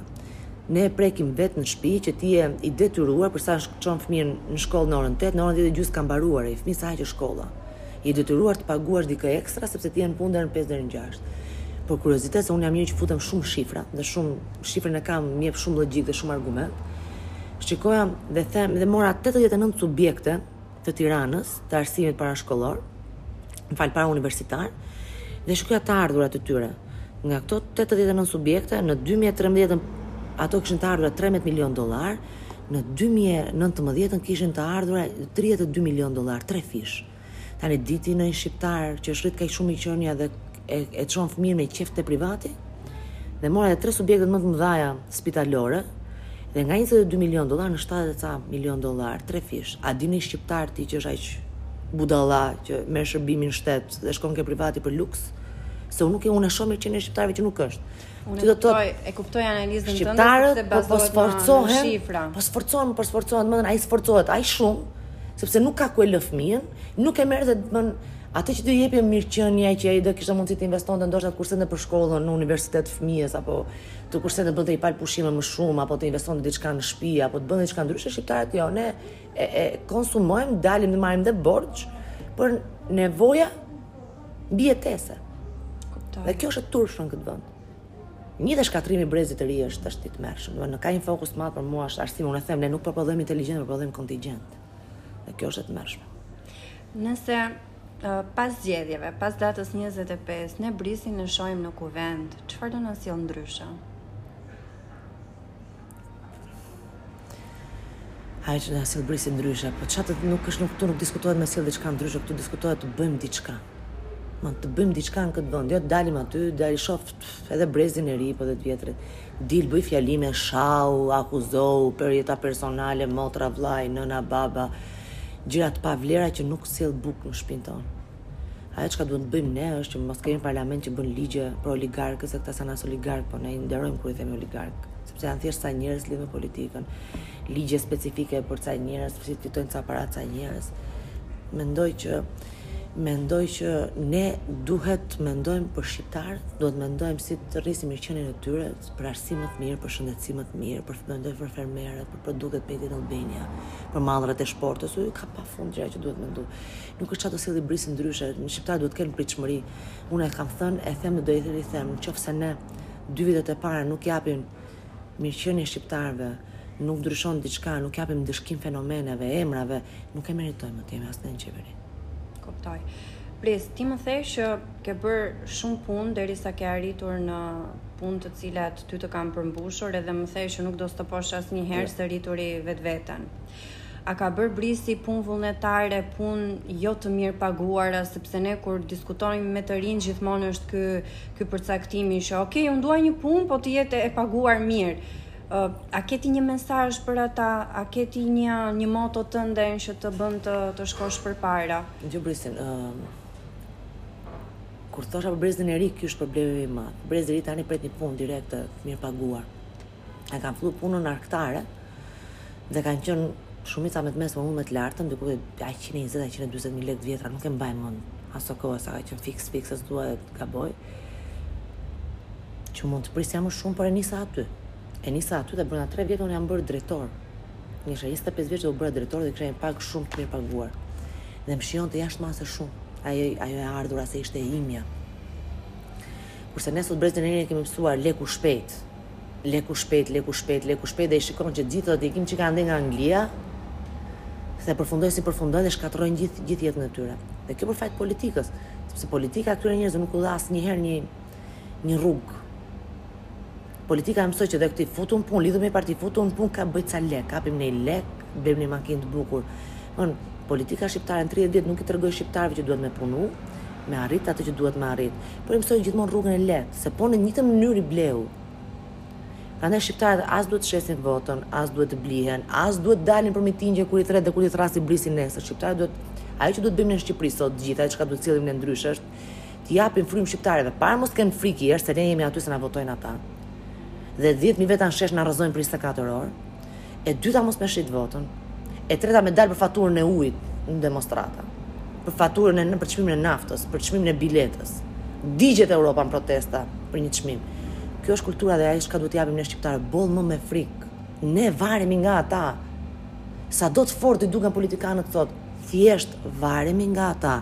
Dhe më mirë pranoj bëj zgjedhje çdo vit me faturë 10 milionë euro sesa Pranoj një qeveri që vetëm në një dorë vjedh dyqind milionë euro. Është e thjeshtë fare, dil në shesh atje, rrëzo, të vijë dikush tjetër. Dëmi i 10 milionë euro kosto zgjedhjesh është më i vogël se dyqind milionë euro vetëm në një dorë. Kjo është ajo çka duhet të themi ne shqiptarëve. Atë që s'e thot askush. Falenderoj. Bris, po ashtu si shqiptarët, edhe unë jam kurioze për ca gjëra personale që besoj Jepi. edhe edhe dëgjuesit e Futural edhe mbështetësit e tu, uh, uh, pjesa e e personave që të kanë xhan më tepër se sa direkt me me votimin pyesin edhe thon moj po kjo brisi ka burr kjo mi jo nuk ka burr brisi halli ma halli ma besoj të kanë pyetur shpesh kur shkon uh, jo shumë sa gjë e mirë jo shumë jo shumë nuk tashmë nuk pyet më më njeri Jeta personale është me fat them, por mendoj që dhe për shkak të punës që është bërë, për shkak të punave që kam patur, për shkak të dyshimit që ti ti ty të lind vetvetiu te njerëzit që të afrohen në momente të caktuara, e ke shumë vështirë të njohë të njohësh njerëz, unë jam njeri që dhe mbyllem në vetvete kur janë jam shumë e dhënë pas punës, harroj dhe kështu të ikin vitet. Sigurisht familja është shumë e rëndësishme me shpresën që dhe unë do krijoj një familje, por që jam nga ata njerëz që mendoj që Të paktën një fëmijë në jetën time do ta kem patjetër. Dhe besoj që do ta Me burr është... pa burr. Ka avancu shkenca. Sigurisht, sigurisht. Bris, a ke ti hobi, dëshira, gjëra që të pëlqen t'i bësh edhe nuk kufizohesh në momentin që ti ti ke nevojë të çlodhësh veten, të të shkëputesh nga rutina e përditshme? Për natyrën që kam jam motor pune. Unë çohem në 8 të mëngjesit. Për punës. Përtej punës. Po ja, unë çohem në 8 të mëngjesit dhe mbaroj punën në 2 të mëngjesit. Ajo që më relakson më është familja dhe rrethi im shoqëror. Do të thënë, kaloj kohë me ta është është relaksi më i më i madh që kam unë. Nuk kam ndonjë hobi që të them tani të marr të, të loz volejboll, nuk jam njeri sportiv fare. Po fare dikur kam loz futboll, volejboll. Ti më the që e adhuron Shqipërinë gjatë verës, pra të pëlqen. Adhuroj Shqipërinë në çdo moment, pjesa e plazhit. Pjesa e plazhit mua mos prit që të kem një aktivitet në plazh, se un jam un shezlong edhe një libër. Telefoni që nuk ndahet në asnjë lloj momenti, pak këto 10-11 vitet e fundit, gati 10 vjet që nga 2011 që filluam Shumë fushatë atëherë që për 2013 filluam shumë herët fushatën për 2013-ën. Nuk e kam ndarë në asnjë moment telefonin, unë fle me telefon poshtë kokës. Kështu që hobi në qoftë se pret të them kështu kam opera në këto jo nuk kam. E adhuroj muzikën shumë, e kam antistres. Dëgjoj shumë muzikë me volum shumë të lartë. Në ditët e mia më të, më të këqija un kam vetëm nuk di t'i jap makinës, por Njerëzit që më rrethonin vëlla, miqtë e mi të ngushtë, po, po, po. Makinës e them, i hyj makinës tani në autostradë, volumin kup qiellit edhe ajo më më më relakson. A ke ndonjë këngë që e ke të preferuarën apo Unë jam njeri që dëgjoj çdo lloj muzike. Që nga muzika vetëm operën nuk e dëgjoj. E kam dëgjuar një dy herë, por nuk më pëlqeu. Këtu çalon? Këtu çaloj. Që unë kam kam qenë edhe Kam dikur marrë edhe leksione për piano, po këtu çaloj. Nuk më nuk më ngjit. Po ti je shumë mirë në të gjitha. Jo, jo, jo, jo, dhe preferoj të të qëndroj të më të kem muzika. Por që më pëlqen muzika popullore, më pëlqen dance, më pëlqen muzika tallava, nuk kam, nuk kam, nuk nuk kam, jo. Më pëlqen një këngë e bukur, ama kam vetëm një gjë. Adhuroj tekstet. Domethënë mua më pëlqen një këngë kur ka tekstin e bukur, nuk dëgjoj melodinë, dëgjoj tekstin. Dhe Unë jam shumë e fiksuar te tekstet e këngëve. Dhe shijon pastaj. Uh, edhe diçka tjetër, më the që të pëlqen leximi, a ke ti një një libër të preferuar, a ke ti një Jo, e kam thjesht antistres. Kuptoj. Nuk kam dhe një gjë tjetër që kam shumë qejf. Unë nuk e ndjek fare, nuk e ndjek fare këto televizionin shqiptar, po fare. Dhe ndjek këto Fox Crime-in. Kriminalistikën e kam shumë qejf. Se është një gjë logjike që ti e ndjek, të jetë një gjë logjike. Edhe, edhe kur lexoj libra, lexoj Kërkon po, po, adrenalinë. Po, po, po, po, gjatë gjithë kohës, po, po, po, po, po, gjatë gjithë kohës adrenalinë. Dhe kur s'ka luftë, e prodhoj vetë luftën. Se në paqe s'di me jetu. Nuk e di nëse kjo të, Të bën të ndihesh mirë kur e kërkon vetë atë debatin, sulmin e gjithçka tjetër, po që kërkoj adrenalinën e debatit. Kuptoj që e ke nga nga gjithë elementët që nuk jo, debatin s'e kërkoj, më lodh debati, kuptimi i gjësë, nuk nuk dua këtë.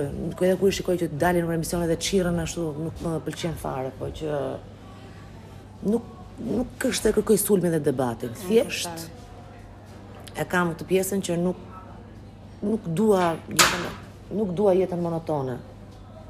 E kuptoj. Uh, ke bërë ndonjëherë ndonjë gjë të të çmendur edhe këtu pastaj e, e mbyllim edhe me një mesazh? Ja. Ja.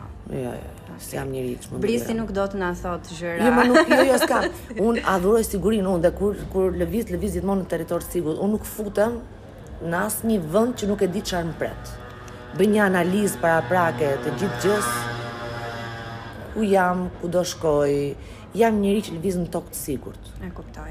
Uh, jemi drejt përfundimit të podcastit dhe unë do doja që ti të na jepje një mesazh për për të gjithë dëgjuesit e Futuralit. Mesazhi është shumë i thjeshtë. Dilni në votime. Vota është qytetari, votoni individët dhe kandidatët që ju ju pëlqejnë, sepse do jetë një mesazh i madh për gjithë politikën shqiptare që nuk ka më lista si listat kryetarit dhe kë pëlqen kryetari, por është momenti me vendos ju. Unë të falenderoj shumë për këtë intervistë. Unë e shijova personalisht, besoj edhe edhe dëgjuesit e Futural. Faleminderit Brez. Ishte kënaqësi. Përshëndetje, dëgjues të Futural, sot ashtu sikundër ju e keni vënë re nga nga pyetësorët edhe nga analizat tona, jemi në një javë e cila është shumë e pritur, por shumë e komentuar sepse jemi në javën zgjedhore dhe ashtu sikundër ju kemi bërë me dije, ne jemi duke komunikuar me kandidate të cilat janë do do konkurrojnë për kuvendin e Shqipërisë. Sot në fakt jam me një zonjë të nderuar, e cila quhet Borana Tartari, përfaqëson nismën Thurje dhe përveçse aspektit të saj politik, ajo na mirëpret dhe është është e gatshme për të folur për çështje të cilat janë disi edhe më personale. Përshëndetje Borana. Përshëndetje. Në radhë të parë ju falenderoj për këtë mundësi që na jepni që ne të tregojmë diçka më shumë nga vetja jonë dhe një aspekt që është është i lidhur me atë politik, por gjithashtu është shumë edhe personal, vetjak edhe familjar. Ju falenderoj. Uh, unë jam shumë e lumtur që të kam sot në podcast dhe besoj edhe dëgjuesit e Futural do njohin një aspekt tjetër tëndin dhe që ti të jesh e sigurt që ata do ta do ta mirëpresin. Uh, ne jemi duke bërë ofertat gjinore politike dhe në anketimin tonë ju keni dalë si zonja më e parapëlqyer dhe më e votuar kur bëhet fjalë për nismën Thurje.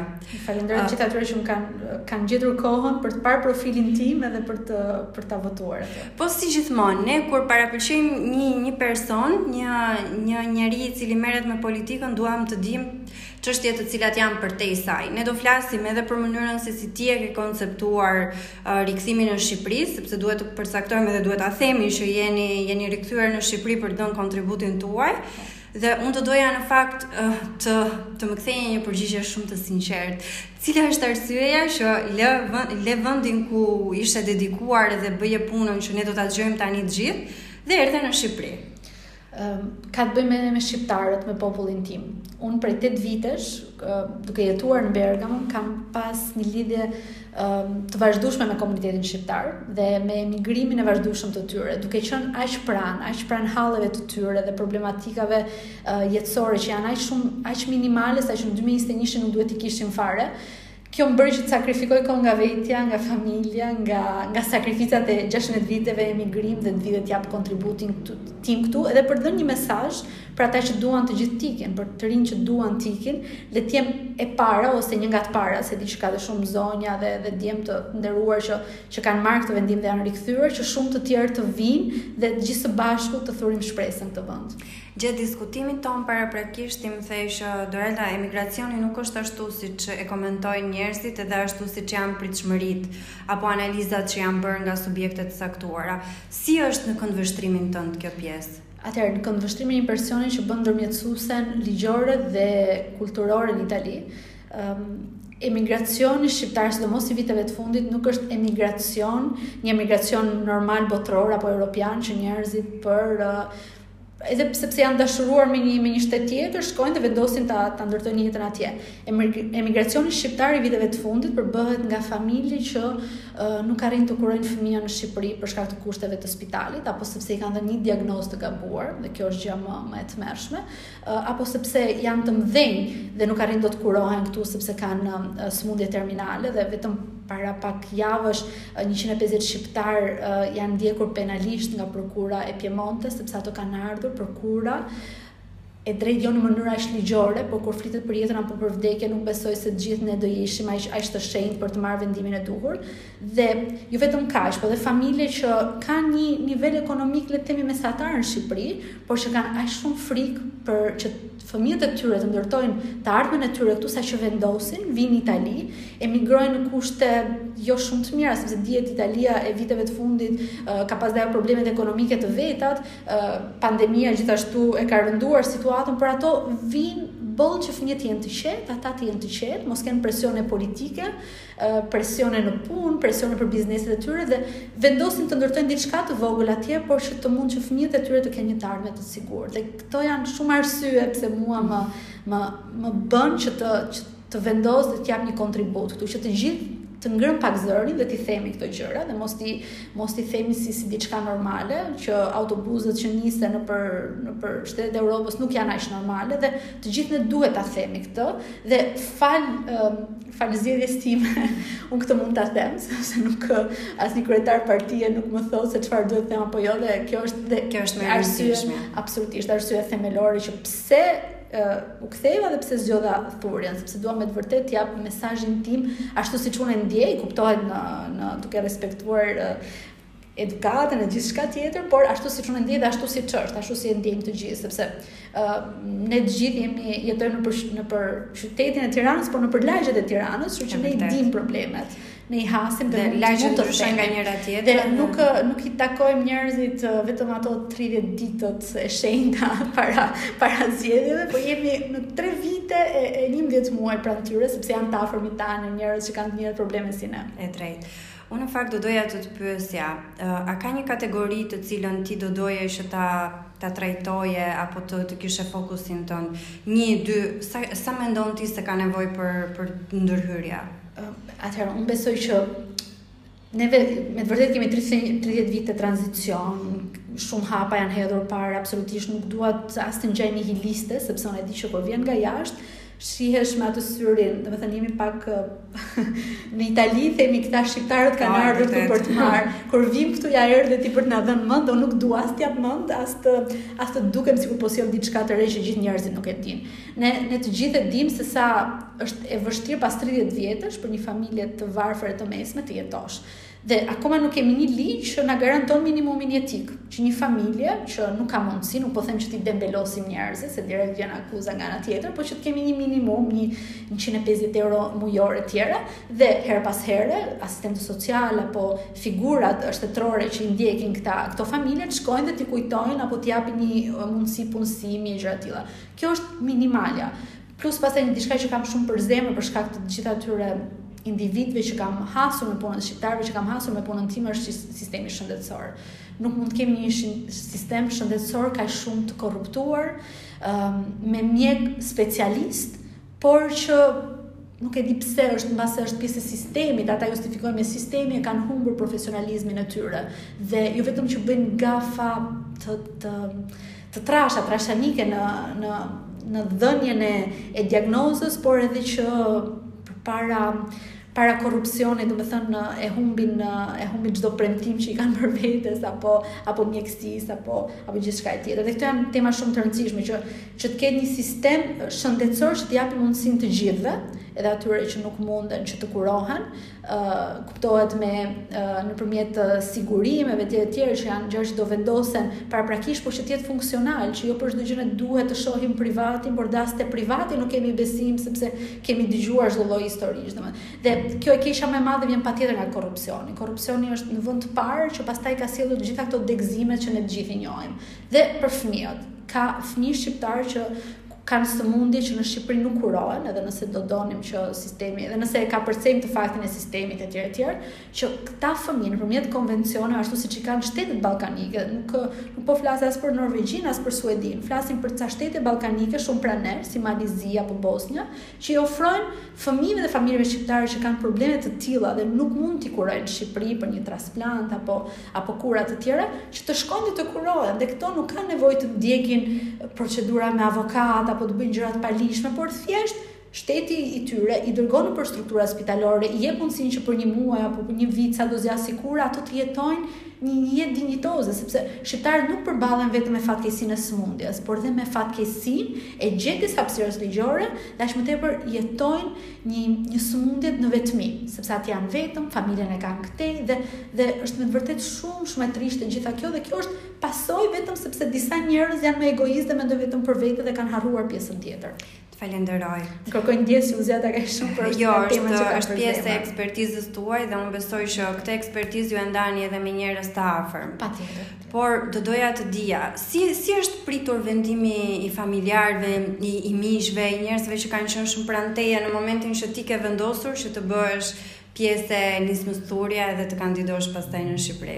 Atëherë si si shumica e shqiptarëve kur merr pjesë në një parti të re, uh, Mendimi i parë është bëje këtë eksperiencë sepse ujqit e vjetër nuk të lënë.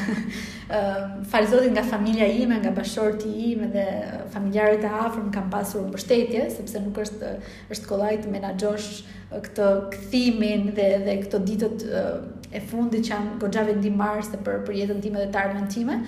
Por kuptoj që skepticizmi është Përveç kësaj, familjarë apo miq që jetojnë në Shqipëri për shkak të presionit politik e kanë pak të pamundur të shprehin pëlqimin apo faktin që më qëndrojnë afër apo më vlerësojnë që mund të kenë bindje të tjera politike, unë nuk nuk pretendoj që të gjithë të, të më votojnë mua. E ke ndjerë këtë gjë tek vetja, do të thënë tani kur shkon takon njerëz e kam dhe e kam ndjerë dhe mundohem të dialogoj me me ç'mundem dhe dhe unë e di mbështetjen dhe dhe të dashurinë që kanë ata ndaj meje dhe kjo nuk do ndryshojë dhe nuk do ndryshojë pas 25 prillit, sepse për këtë frymë të re, por kjo është një trishtim shumë i madh që të afërm nuk mund të takojnë njëri-tjetrin, që duhet të jenë të kujdesshëm, që uh, torturohen në 30 ditë zgjedhje sepse i kanë premtuar një vend pune, i kanë premtuar një një shkollimin e fëmijëve apo një legalizim shtëpie dhe kjo është diçka që duhet të kalojë sepse politikani nuk nuk ka asnjë titull as të shenjtë, as as të hyjnishëm, kështu që nuk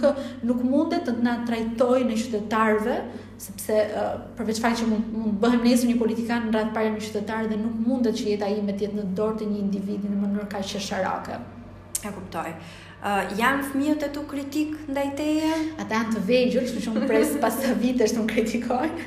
Vajza është është 2 vjeç e gjys dhe i madhi është 5 vjeç, kështu që janë akoma të vegjël, por që okay. është një investim edhe për ata, sepse kur janë në emigrim, um, unë krahasoj shpesh herë fëmijërinë time me fëmijërinë e fëmijëve të mi. Dhe unë kam pasur një fëmijëri shumë të bukur me të gjithë të afërmit e mi pranë, me kushërinjtë e mi pranë dhe një gjë që i mungon fëmijëve të mi dhe unë e vuaj shumë këtë pjesë, Dhe them pse për për aq pak, sepse fëmijët e mi edhe pse janë të vegjël kanë një dashuri të madhe për Shqipërinë dhe dhe përmendin gjithmonë Shqipërinë në në gjithçka bëjnë dhe në aktivitetet e tyre, dhe them pse atyre t'u hiqet e drejta të të rriten në vendin e tyre. Pastaj kur të rriten, nëse duan të bëjnë një cikël shkollor në një vend apo në një vend tjetër, dhe nëse ne do kemi ato mundësi ekonomike, le, le ta bëjnë, por në të kundërt të kenë minimumin në vendin e tyre, të, të mund të shkollohen, të mund të të të kurohen, un është diçka që dua ta ndaj me un kam dhe shtetësinë italiane dhe gjithmonë kam pas atë dilemën të rri të kthehem, të rri të kthehem dhe i thoja vetes rri dhe pak që të bëhesh shtetase italiane, që të paktën nëse do kesh nevojë për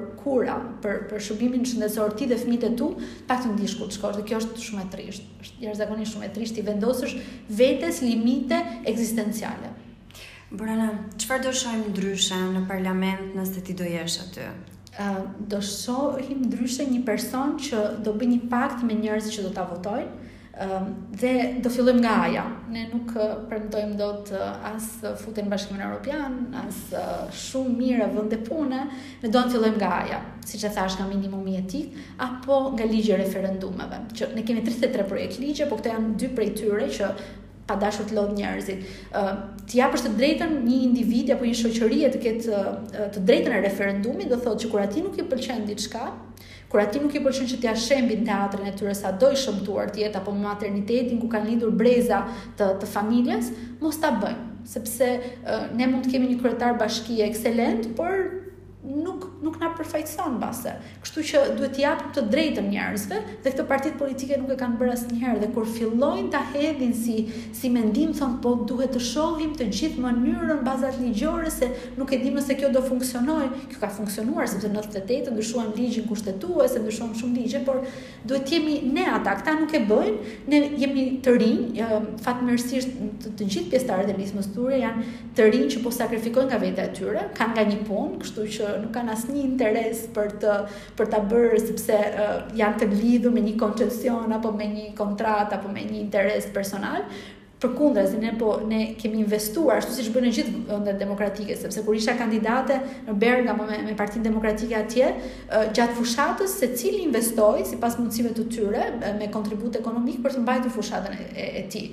Kuptohet që kur duhet të investosh vetë, nuk nuk ia lejon dot vetes që të bësh 100.000 euro apo 150.000 euro, por me me shuma minimaliste si 300 euro apo 500 euro duke folur gjithmonë për për nivelin e Italisë për të bërë për të marrë me qira një një vend ku mund t'i flasësh njerëzve që këtë herë falë falë Covidit le të themi nuk nuk na është dashur, por dhe ne këtë kemi bërë. Domethënë Nisma Thurje ka një një risi shumë europiane, nëse nëse ne na pëlqejnë ta ta përmendim Europën në vend e pa vend, sepse të gjithë po e bëjmë këtë në mënyrë vullnetare me financimin personal apo dhe falë dhurimeve të shumë qytetarëve që na kanë mbështetur për këtë dhe ne jemi shumë të lumtur sepse kemi pasur qytetarë që nuk kanë dashur të dalin publikisht për shkak të bizneseve, por që na kanë na kanë dhuruar maskat personalizuara apo bluzat personalizuara. Të janë gjeste treguese. Të janë gjeste treguese për faktin që njerëzit na mbështesin dhe pse kanë akoma frikë.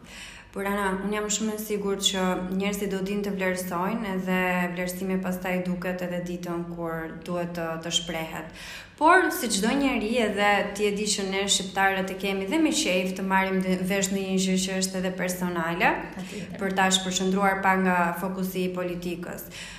Borana, a, a ka konflikte në familje në momentin që jeni dy në Itali, dy në Shqipëri, është e vështirë të, të jetosh me, me një pjesë të familjes këtu dhe një pjesë andej? Patjetër, por kjo është, paktën në rastin tim është diçka, kalimtare, sepse pastaj do, do vendoset se çfarë, po patjetër, sepse unë aty kam dhe një aktivitet të timin që me, me krizën e Covidit dhe gjitha, po e menaxhon të gjithin tim shoq dhe është, është, është e vështirë, shpesh është e vështirë, plus për edhe për rolin dhe për punën time atje si ndërmjetësuese dhe dhe pjesë e një shoqate italo shqiptare ë në momentin që hap WhatsAppin kam telefonata njerëzish që kanë nevojë për për ndihmë për informacione etj etj por është Është diçka që mund ta bësh me pasion nëse të pëlqen. Mua më pëlqen shumë të jem pranë njerëzve, të dëgjoj ata dhe të jap një një ndihmë të vogël apo një kontribut në duke i orientuar, më kupton sepse ndihma nuk është nuk është ekonomike aspak. Përtej punës, a keni një hobi që ka të bëjë me argëtimin.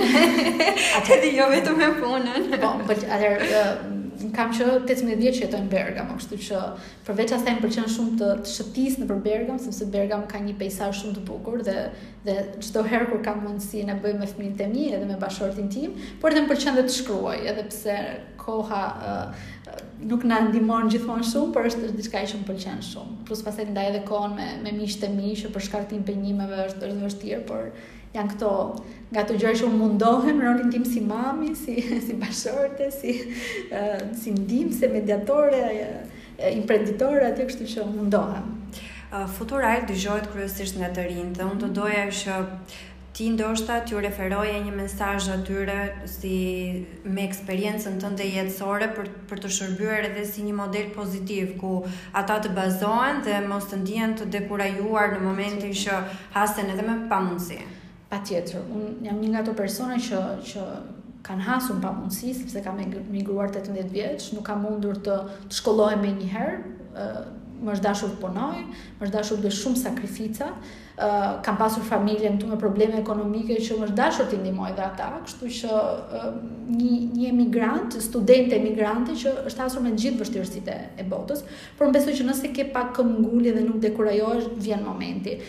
Fatkeqësisht në Shqipërinë 30 vjet është për momente që na i kanë marrë dështim pas dështimi njerëzit e kanë humbur shpresën dhe është është e vërtetë njëri që ka është i diplomuar, ka edhe një master dhe nuk gjen një vend pune apo duhet të përfundojë në call center, është shumë e vështirë. Dhe Unë prandaj në këto 16 vite jam mundur që nga asgjëja të mund të, të ndërtoj familjen time, të mund të jap një ndihmë komunitetit shqiptar në Itali, të kem një të jem kan, të isha kandidate dhe të kem një një rol goxha aktiv në qytetin e Bergamos dhe në komunën e saj, dhe prandaj këtë Këtë që unë kam bërë dua t'ja tregoj dhe të tjerëve dhe um, ndonjëherë më thonë ç'tu desh dhe unë ndonjëherë kur jam shumë e lodhur them ç'mu desh sepse uh, pas 16 vitesh sakrifice dhe arrin që atje të të dalësh të të njohin të jesh të jesh dikush në punën tënde ti vendos dhe thua, jo, të filloj të merrem me Shqipërinë dhe t'ia tregoj këtë gjë atyre që duan t'ikin sepse has pa fund njerëz, mjekë, infermierë, studentë të rinj që duan t'ikin dhe kjo më trishton pa fund, sepse kujt do ja lëmë këtë vend, kush do na e marrë këtë vend dhe merreni këtë historinë e Borës një personi që është hasur me 1000 vështirësi, por që ka vendosur të japë një kontribut. Ju e keni më thjesht, jeni këtu.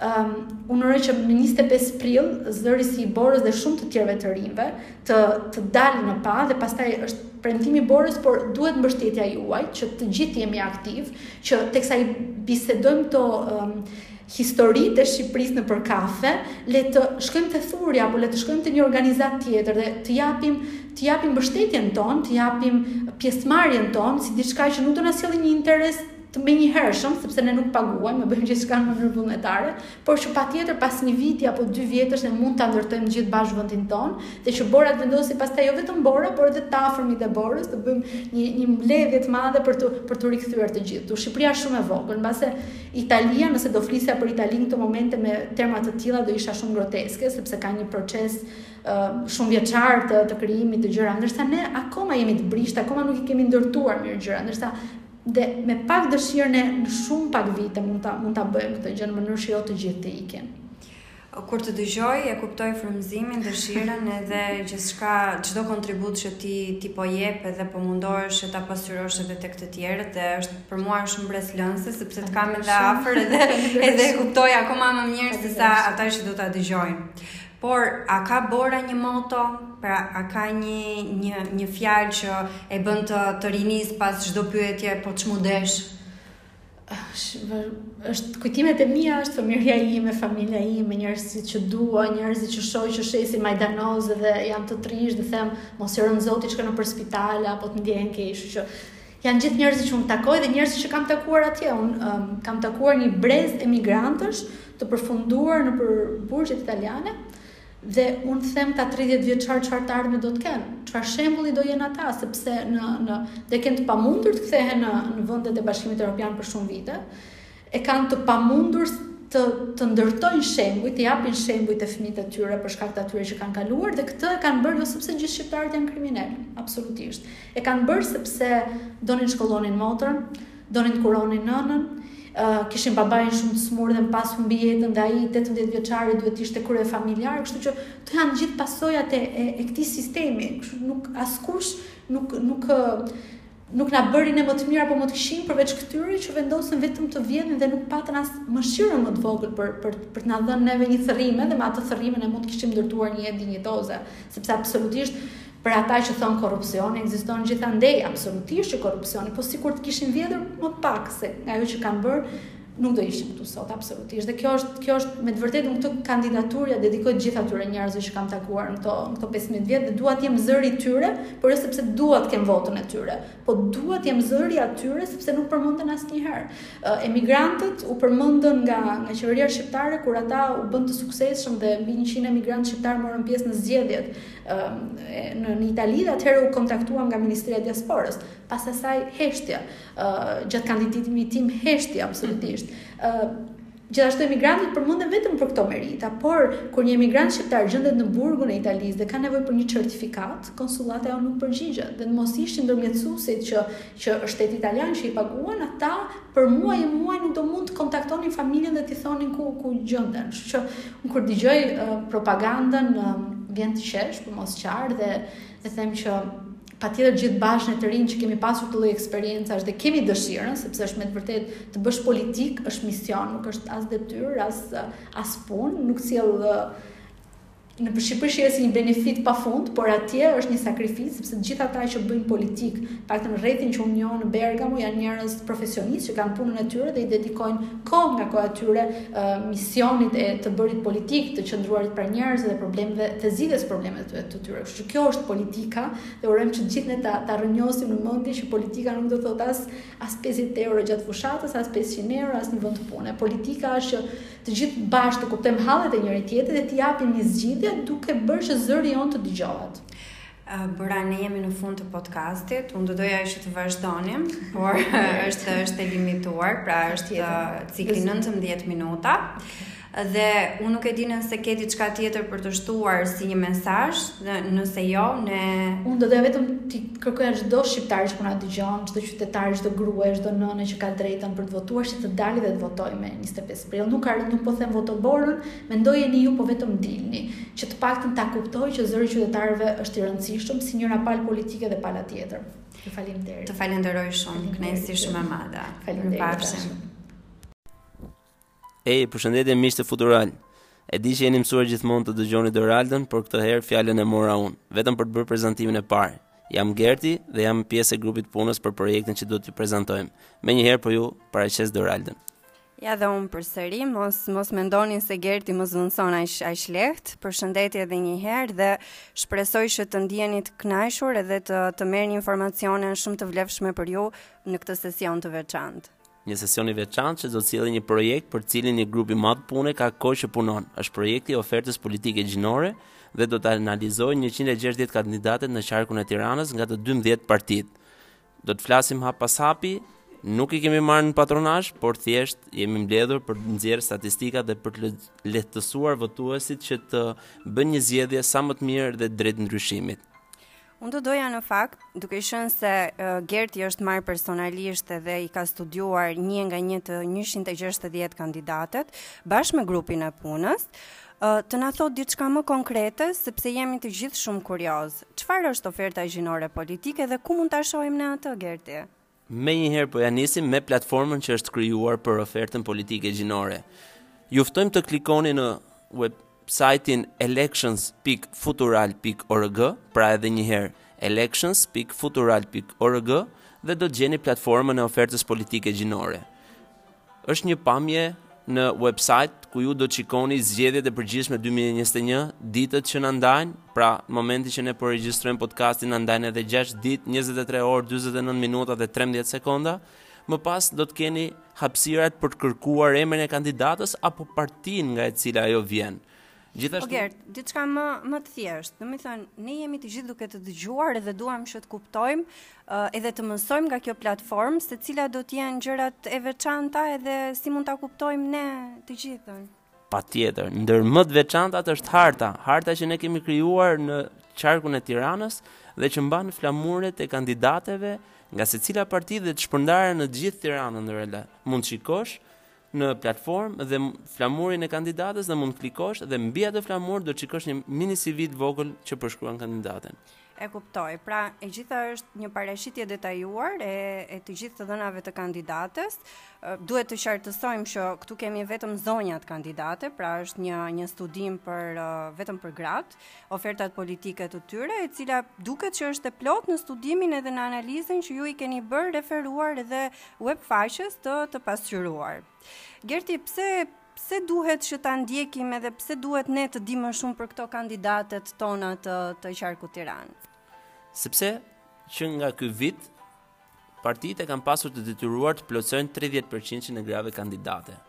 Ç'është e vërteta, ky numër është plotësuar, gratë kandidate nga secila parti e plotësojnë kuotën e tyre, por ne kemi dashur të thellojmë analizën për të parë a e plotëson edhe niveli, backgroundi i tyre, arsimimi, eksperienca politike, eksperienca profesionale dhe mbi të gjitha për të krijuar ato detajet e më të vogla që e bën një votues të zgjedhë apo ta dërgojë votën preferenciale te këto kandidate, sepse Dorela Ti mund ta shpjegosh më mirë këtë pjesë?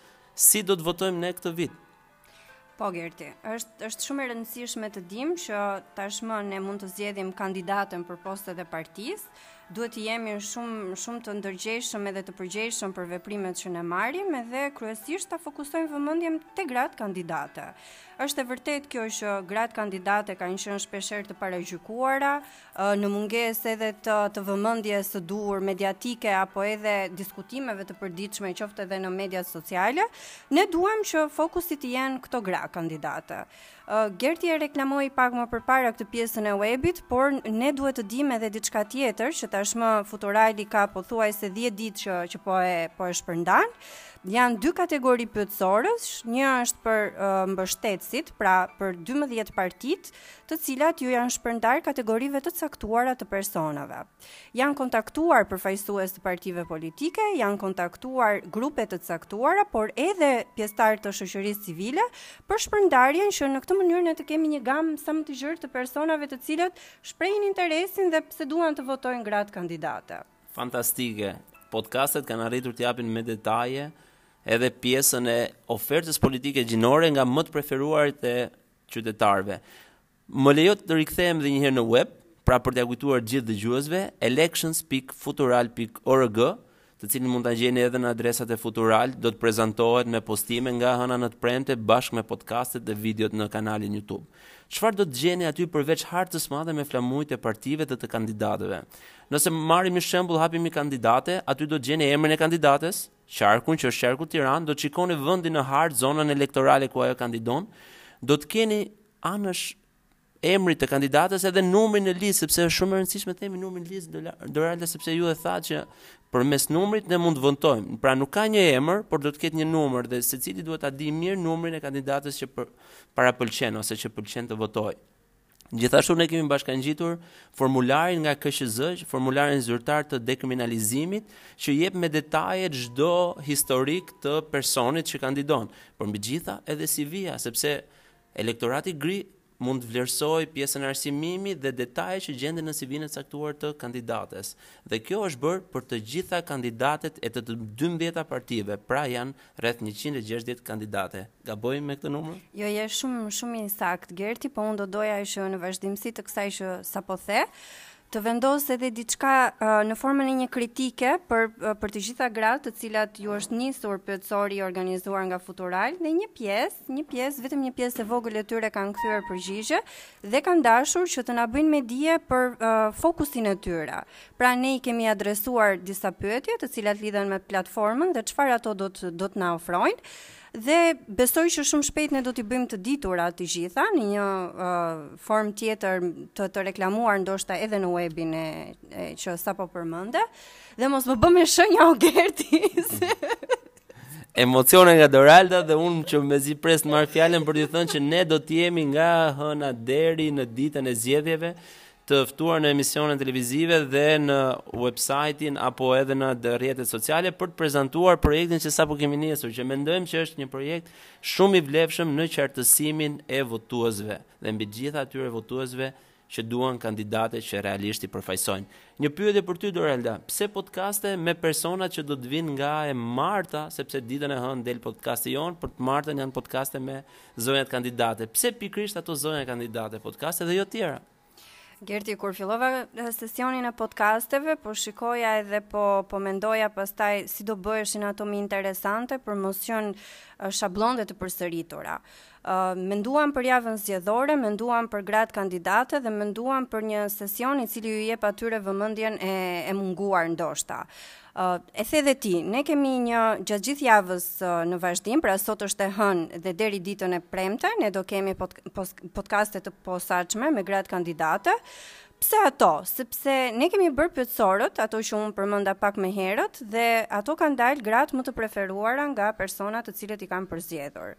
Kemi katër podcaste të veçanta, shumë speciale, ku gratë deput, gratë kandidate kanë kanë folur për jetën e tyre personale, por edhe profesionale, për çështje të cilat shpeshherë kanë qenë të debatuara, por ato nuk kanë marrë guximin dhe ta shfaqin në media, Ndoshta siguria dhe rehatia që të jep podcasti i bëri ato që të besojnë tek pyetjet edhe dëshirat tona për t'i ndarë me gjithë të tjerët. I mirëpresim dhe mezi presim t'i dëgjojmë dhe të thellohemi mbi ato çka kanë thënë. Nëse mund të themi disa qëllime për platformën dhe për punën e madhe të këtij grupi që ka krijuar ofertën politike gjinore Unë do të thoja fillimisht promovimin e grave kandidate, apo jo është një, një, një thelb i këtij projekti, sepse ne e dimë që në një farë mënyre figura e vajzave dhe grave mund të quhet e diskriminuar.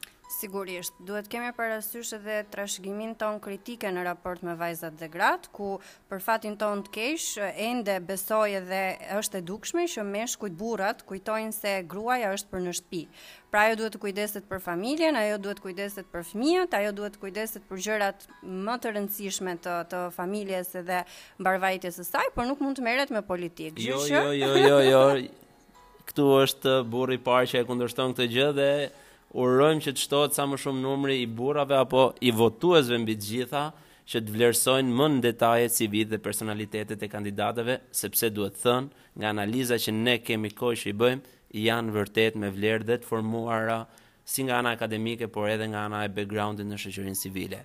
Një qëllim të dytë të këtij projekti Doralda mund të thonim edhe për t'i vendosur të gjitha gratë në një start, pra një platformë që i jep mundësi të barabarta të tregojnë fytyrat pas emrit të kandidateve. A është kjo platformë, a e kemi arritur deri tani me pasqyrimin e plotë të CV-ve dhe të personave t'i vendosim në një vijë të barabartë, pa diskriminim midis të dymbëdhjetë partive? Për mua është ide shumë interesante dhe unë mendoj që të gjithë dëgjuesit e Futural do bien dakord me me faktin që ne kemi nevojë të njohim të gjitha gratë kandidate.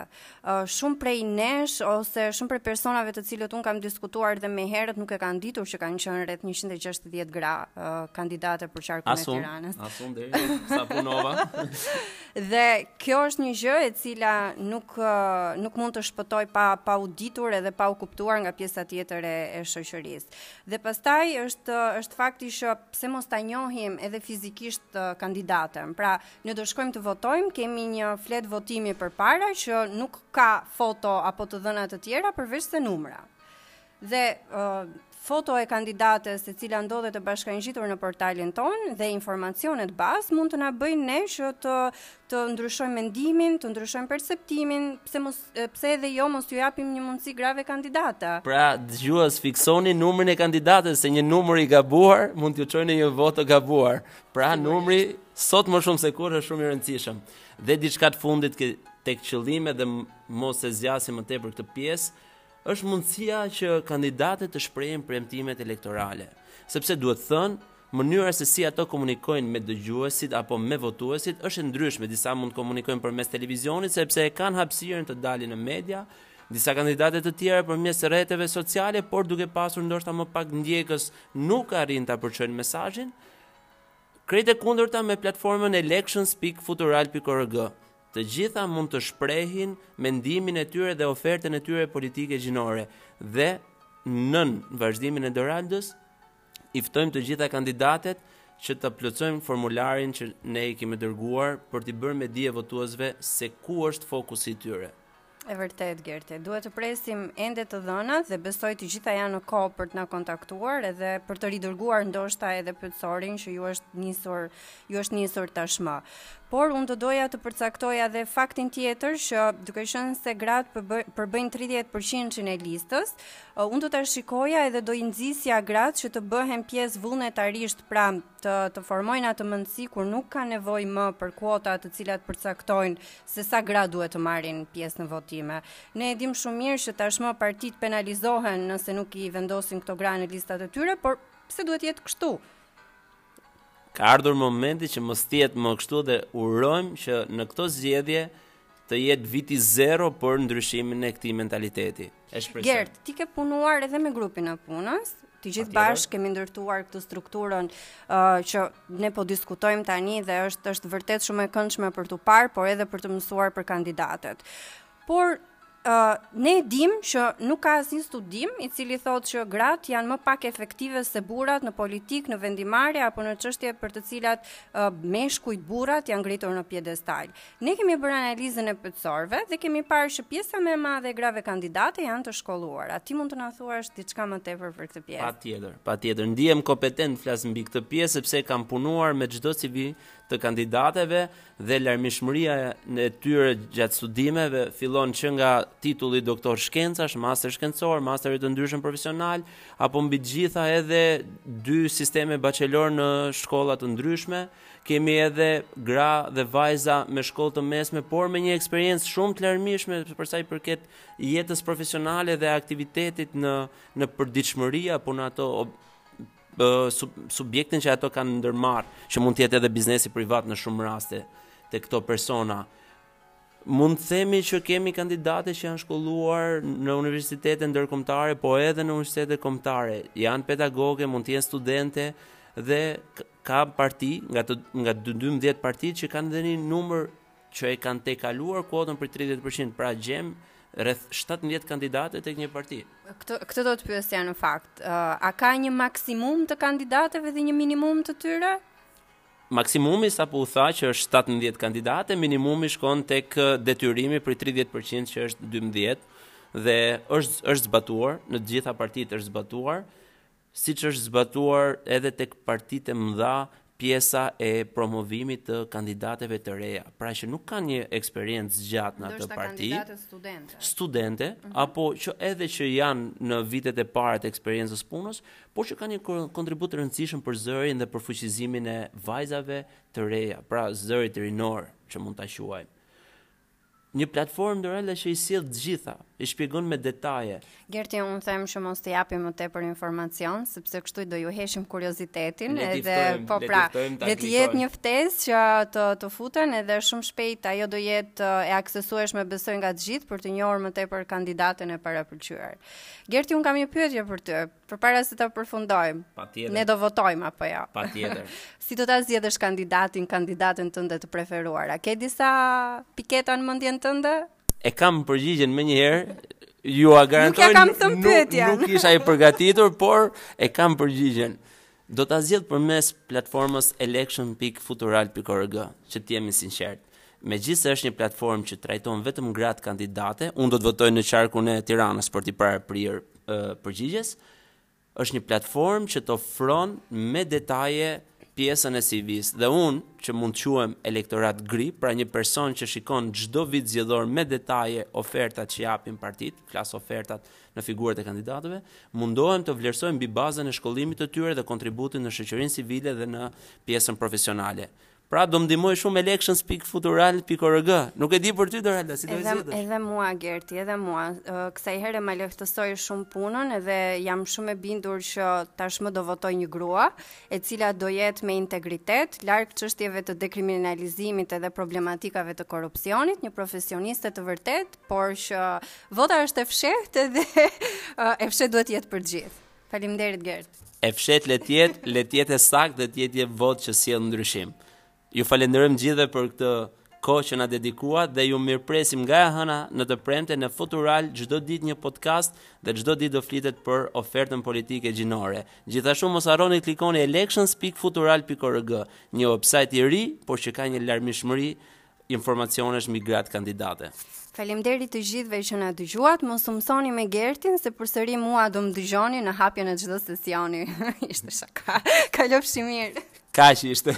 Ju faleminderit, mirupafshim.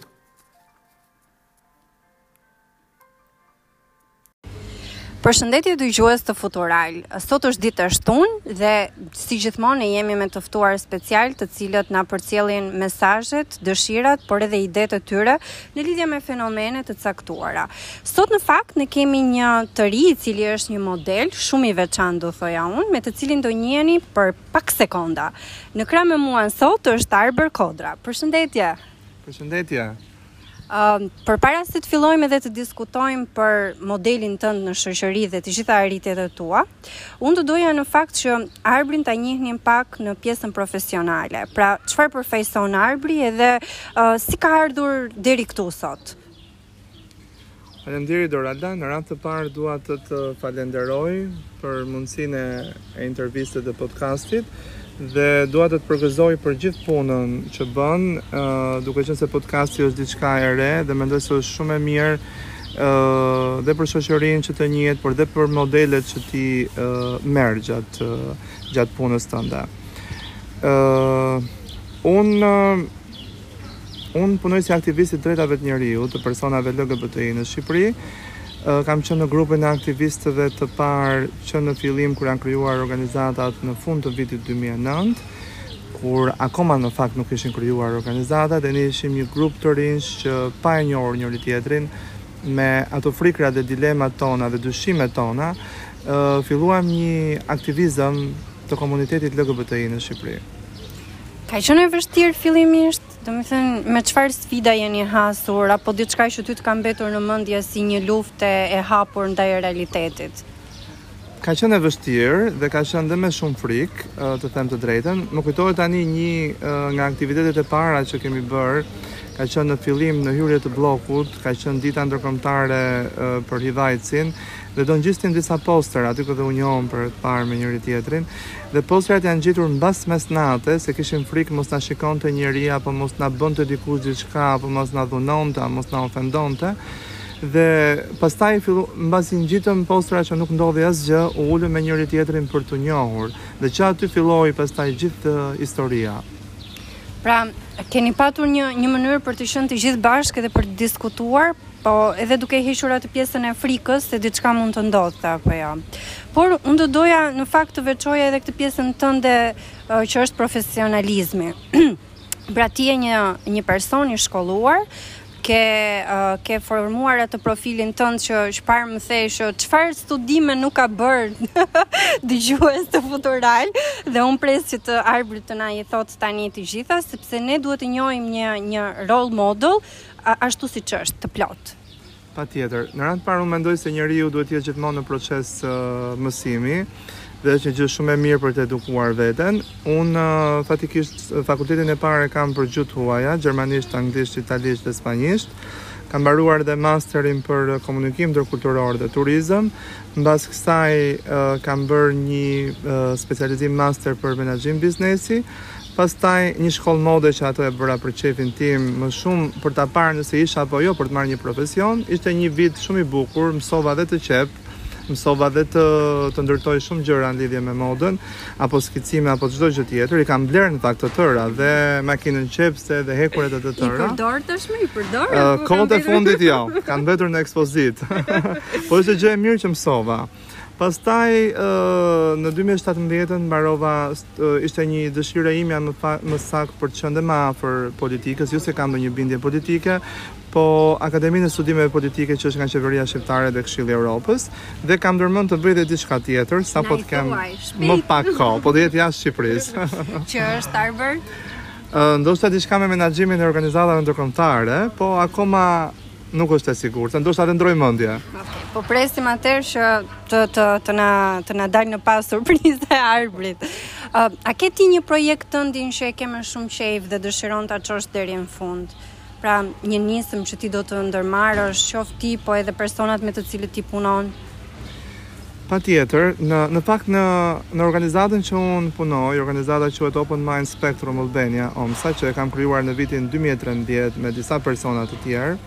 Një nga uh, programet, përveç se ne kemi disa programe shumë të rëndësishme dhe unë dua t'i përmend një nga më të rëndësishmet që kemi hapur në fillim, ka qenë për edukimin e familjeve të personave LGBTI në Shqipëri.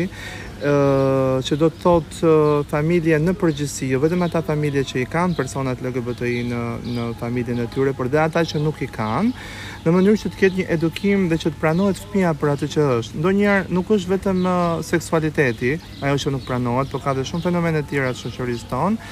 Megjithëse ne kemi dhënë një fokus kur fëmija del hapur si person i komunitetit LGBTI dhe Këtu kjo faktikisht drejtohet nga dy nëna dhe një nga ato është mamaja ime dhe ato janë dhe në grupin e europian të person të prindërve të personave të LGBTI që në Europë është një grup i krijuar në vitin 2017 që të them të drejtën Doralda unë sa herë që shkoj unë qaj dhe i them mamit nuk vij më se dëgjoj ca historira që vërtet janë të dhimbshme Pastaj një iniciativë tjetër është iniciativa që punojmë me artivizmin, se si të promovohen të drejtat e njeriut nëpërmjet artit, dhe një nga sfidat e mia që unë e veçoj këtu, që vërtet e kam në zemër që do ta çoj deri në fund, është puna me edukimin e politikës në Shqipëri dhe se si ë dhe jo vetëm pjesëmarrja politike, por edukimi i politikanëve ë dhe i forumeve rinore politike që kanë qenë po i, i i kërkuar nga ata vetë. Në vitin dy mijë e tetëmbëdhjetë në fakt ne bëmë konferencën e parë në bashkëpunim me Kuvendin e Shqipërisë dhe në bazë të një studimi që bëmë dolën rekomandimet nga vetë ata dhe kur them që do ta çoj deri në fund sepse është shumë e vështirë të dhe është një sfidë shumë e madhe për shkak jo vetëm të angazhimeve të tyre, por dhe të të dëshirës së bashkëpunimit që sigurisht nuk është se se kanë, por disa gjëra shtyhen, shtyhen për, për shkak vetëm duke marrë duke thënë që Shqipëria nuk është ende gati. Shqipëria është gati, është gati të për të marrë shumë nisma dhe ndryshime ligjore. Kur them do ta çoj deri në fund sepse e shikoj si një si një sfidë që vërtet do të sjellë ndryshim në në jetën e personave LGBTI në Shqipëri. Dhe që të lëm të sjellim vërtet një ndryshim që dhe ne vet, ne vet do ta dhe unë si i ri do ta ndjej më vonë këtë lloj ndryshimi. Në fakt, pyetja ime pasuese kjo ishte. Domethënë, a është Shqipëria gati dhe a janë kushtet e duhura që ne të bëjmë atë diferencën midis mentalitetit të mëparshëm edhe mentalitetit në ditët e sotme. Po më vjen mirë që ti përmende këtë pjesën e politikës edhe përfshirjes të të komunitetit në çështje që kanë të bëjnë me seksualitetin dhe që ne e dimë që shqiptarët kanë gjithmonë probleme me pranimin e një fenomeni që s'ka lidhje me të dhe jo më pastaj me çështjet LGBTI. Megjithatë unë do doja në fakt duke qenë se ti përmende edhe mamin tënd, unë e, e kam vënë re dhe e kam parë që ajo është një ndër suportueset e tua më të mëdha. A do ndash diçka me ne në lidhje me me të? Në fakt, po mos të po mos të ishte për suportin e mamas time dhe dashurinë e pakushtëzuar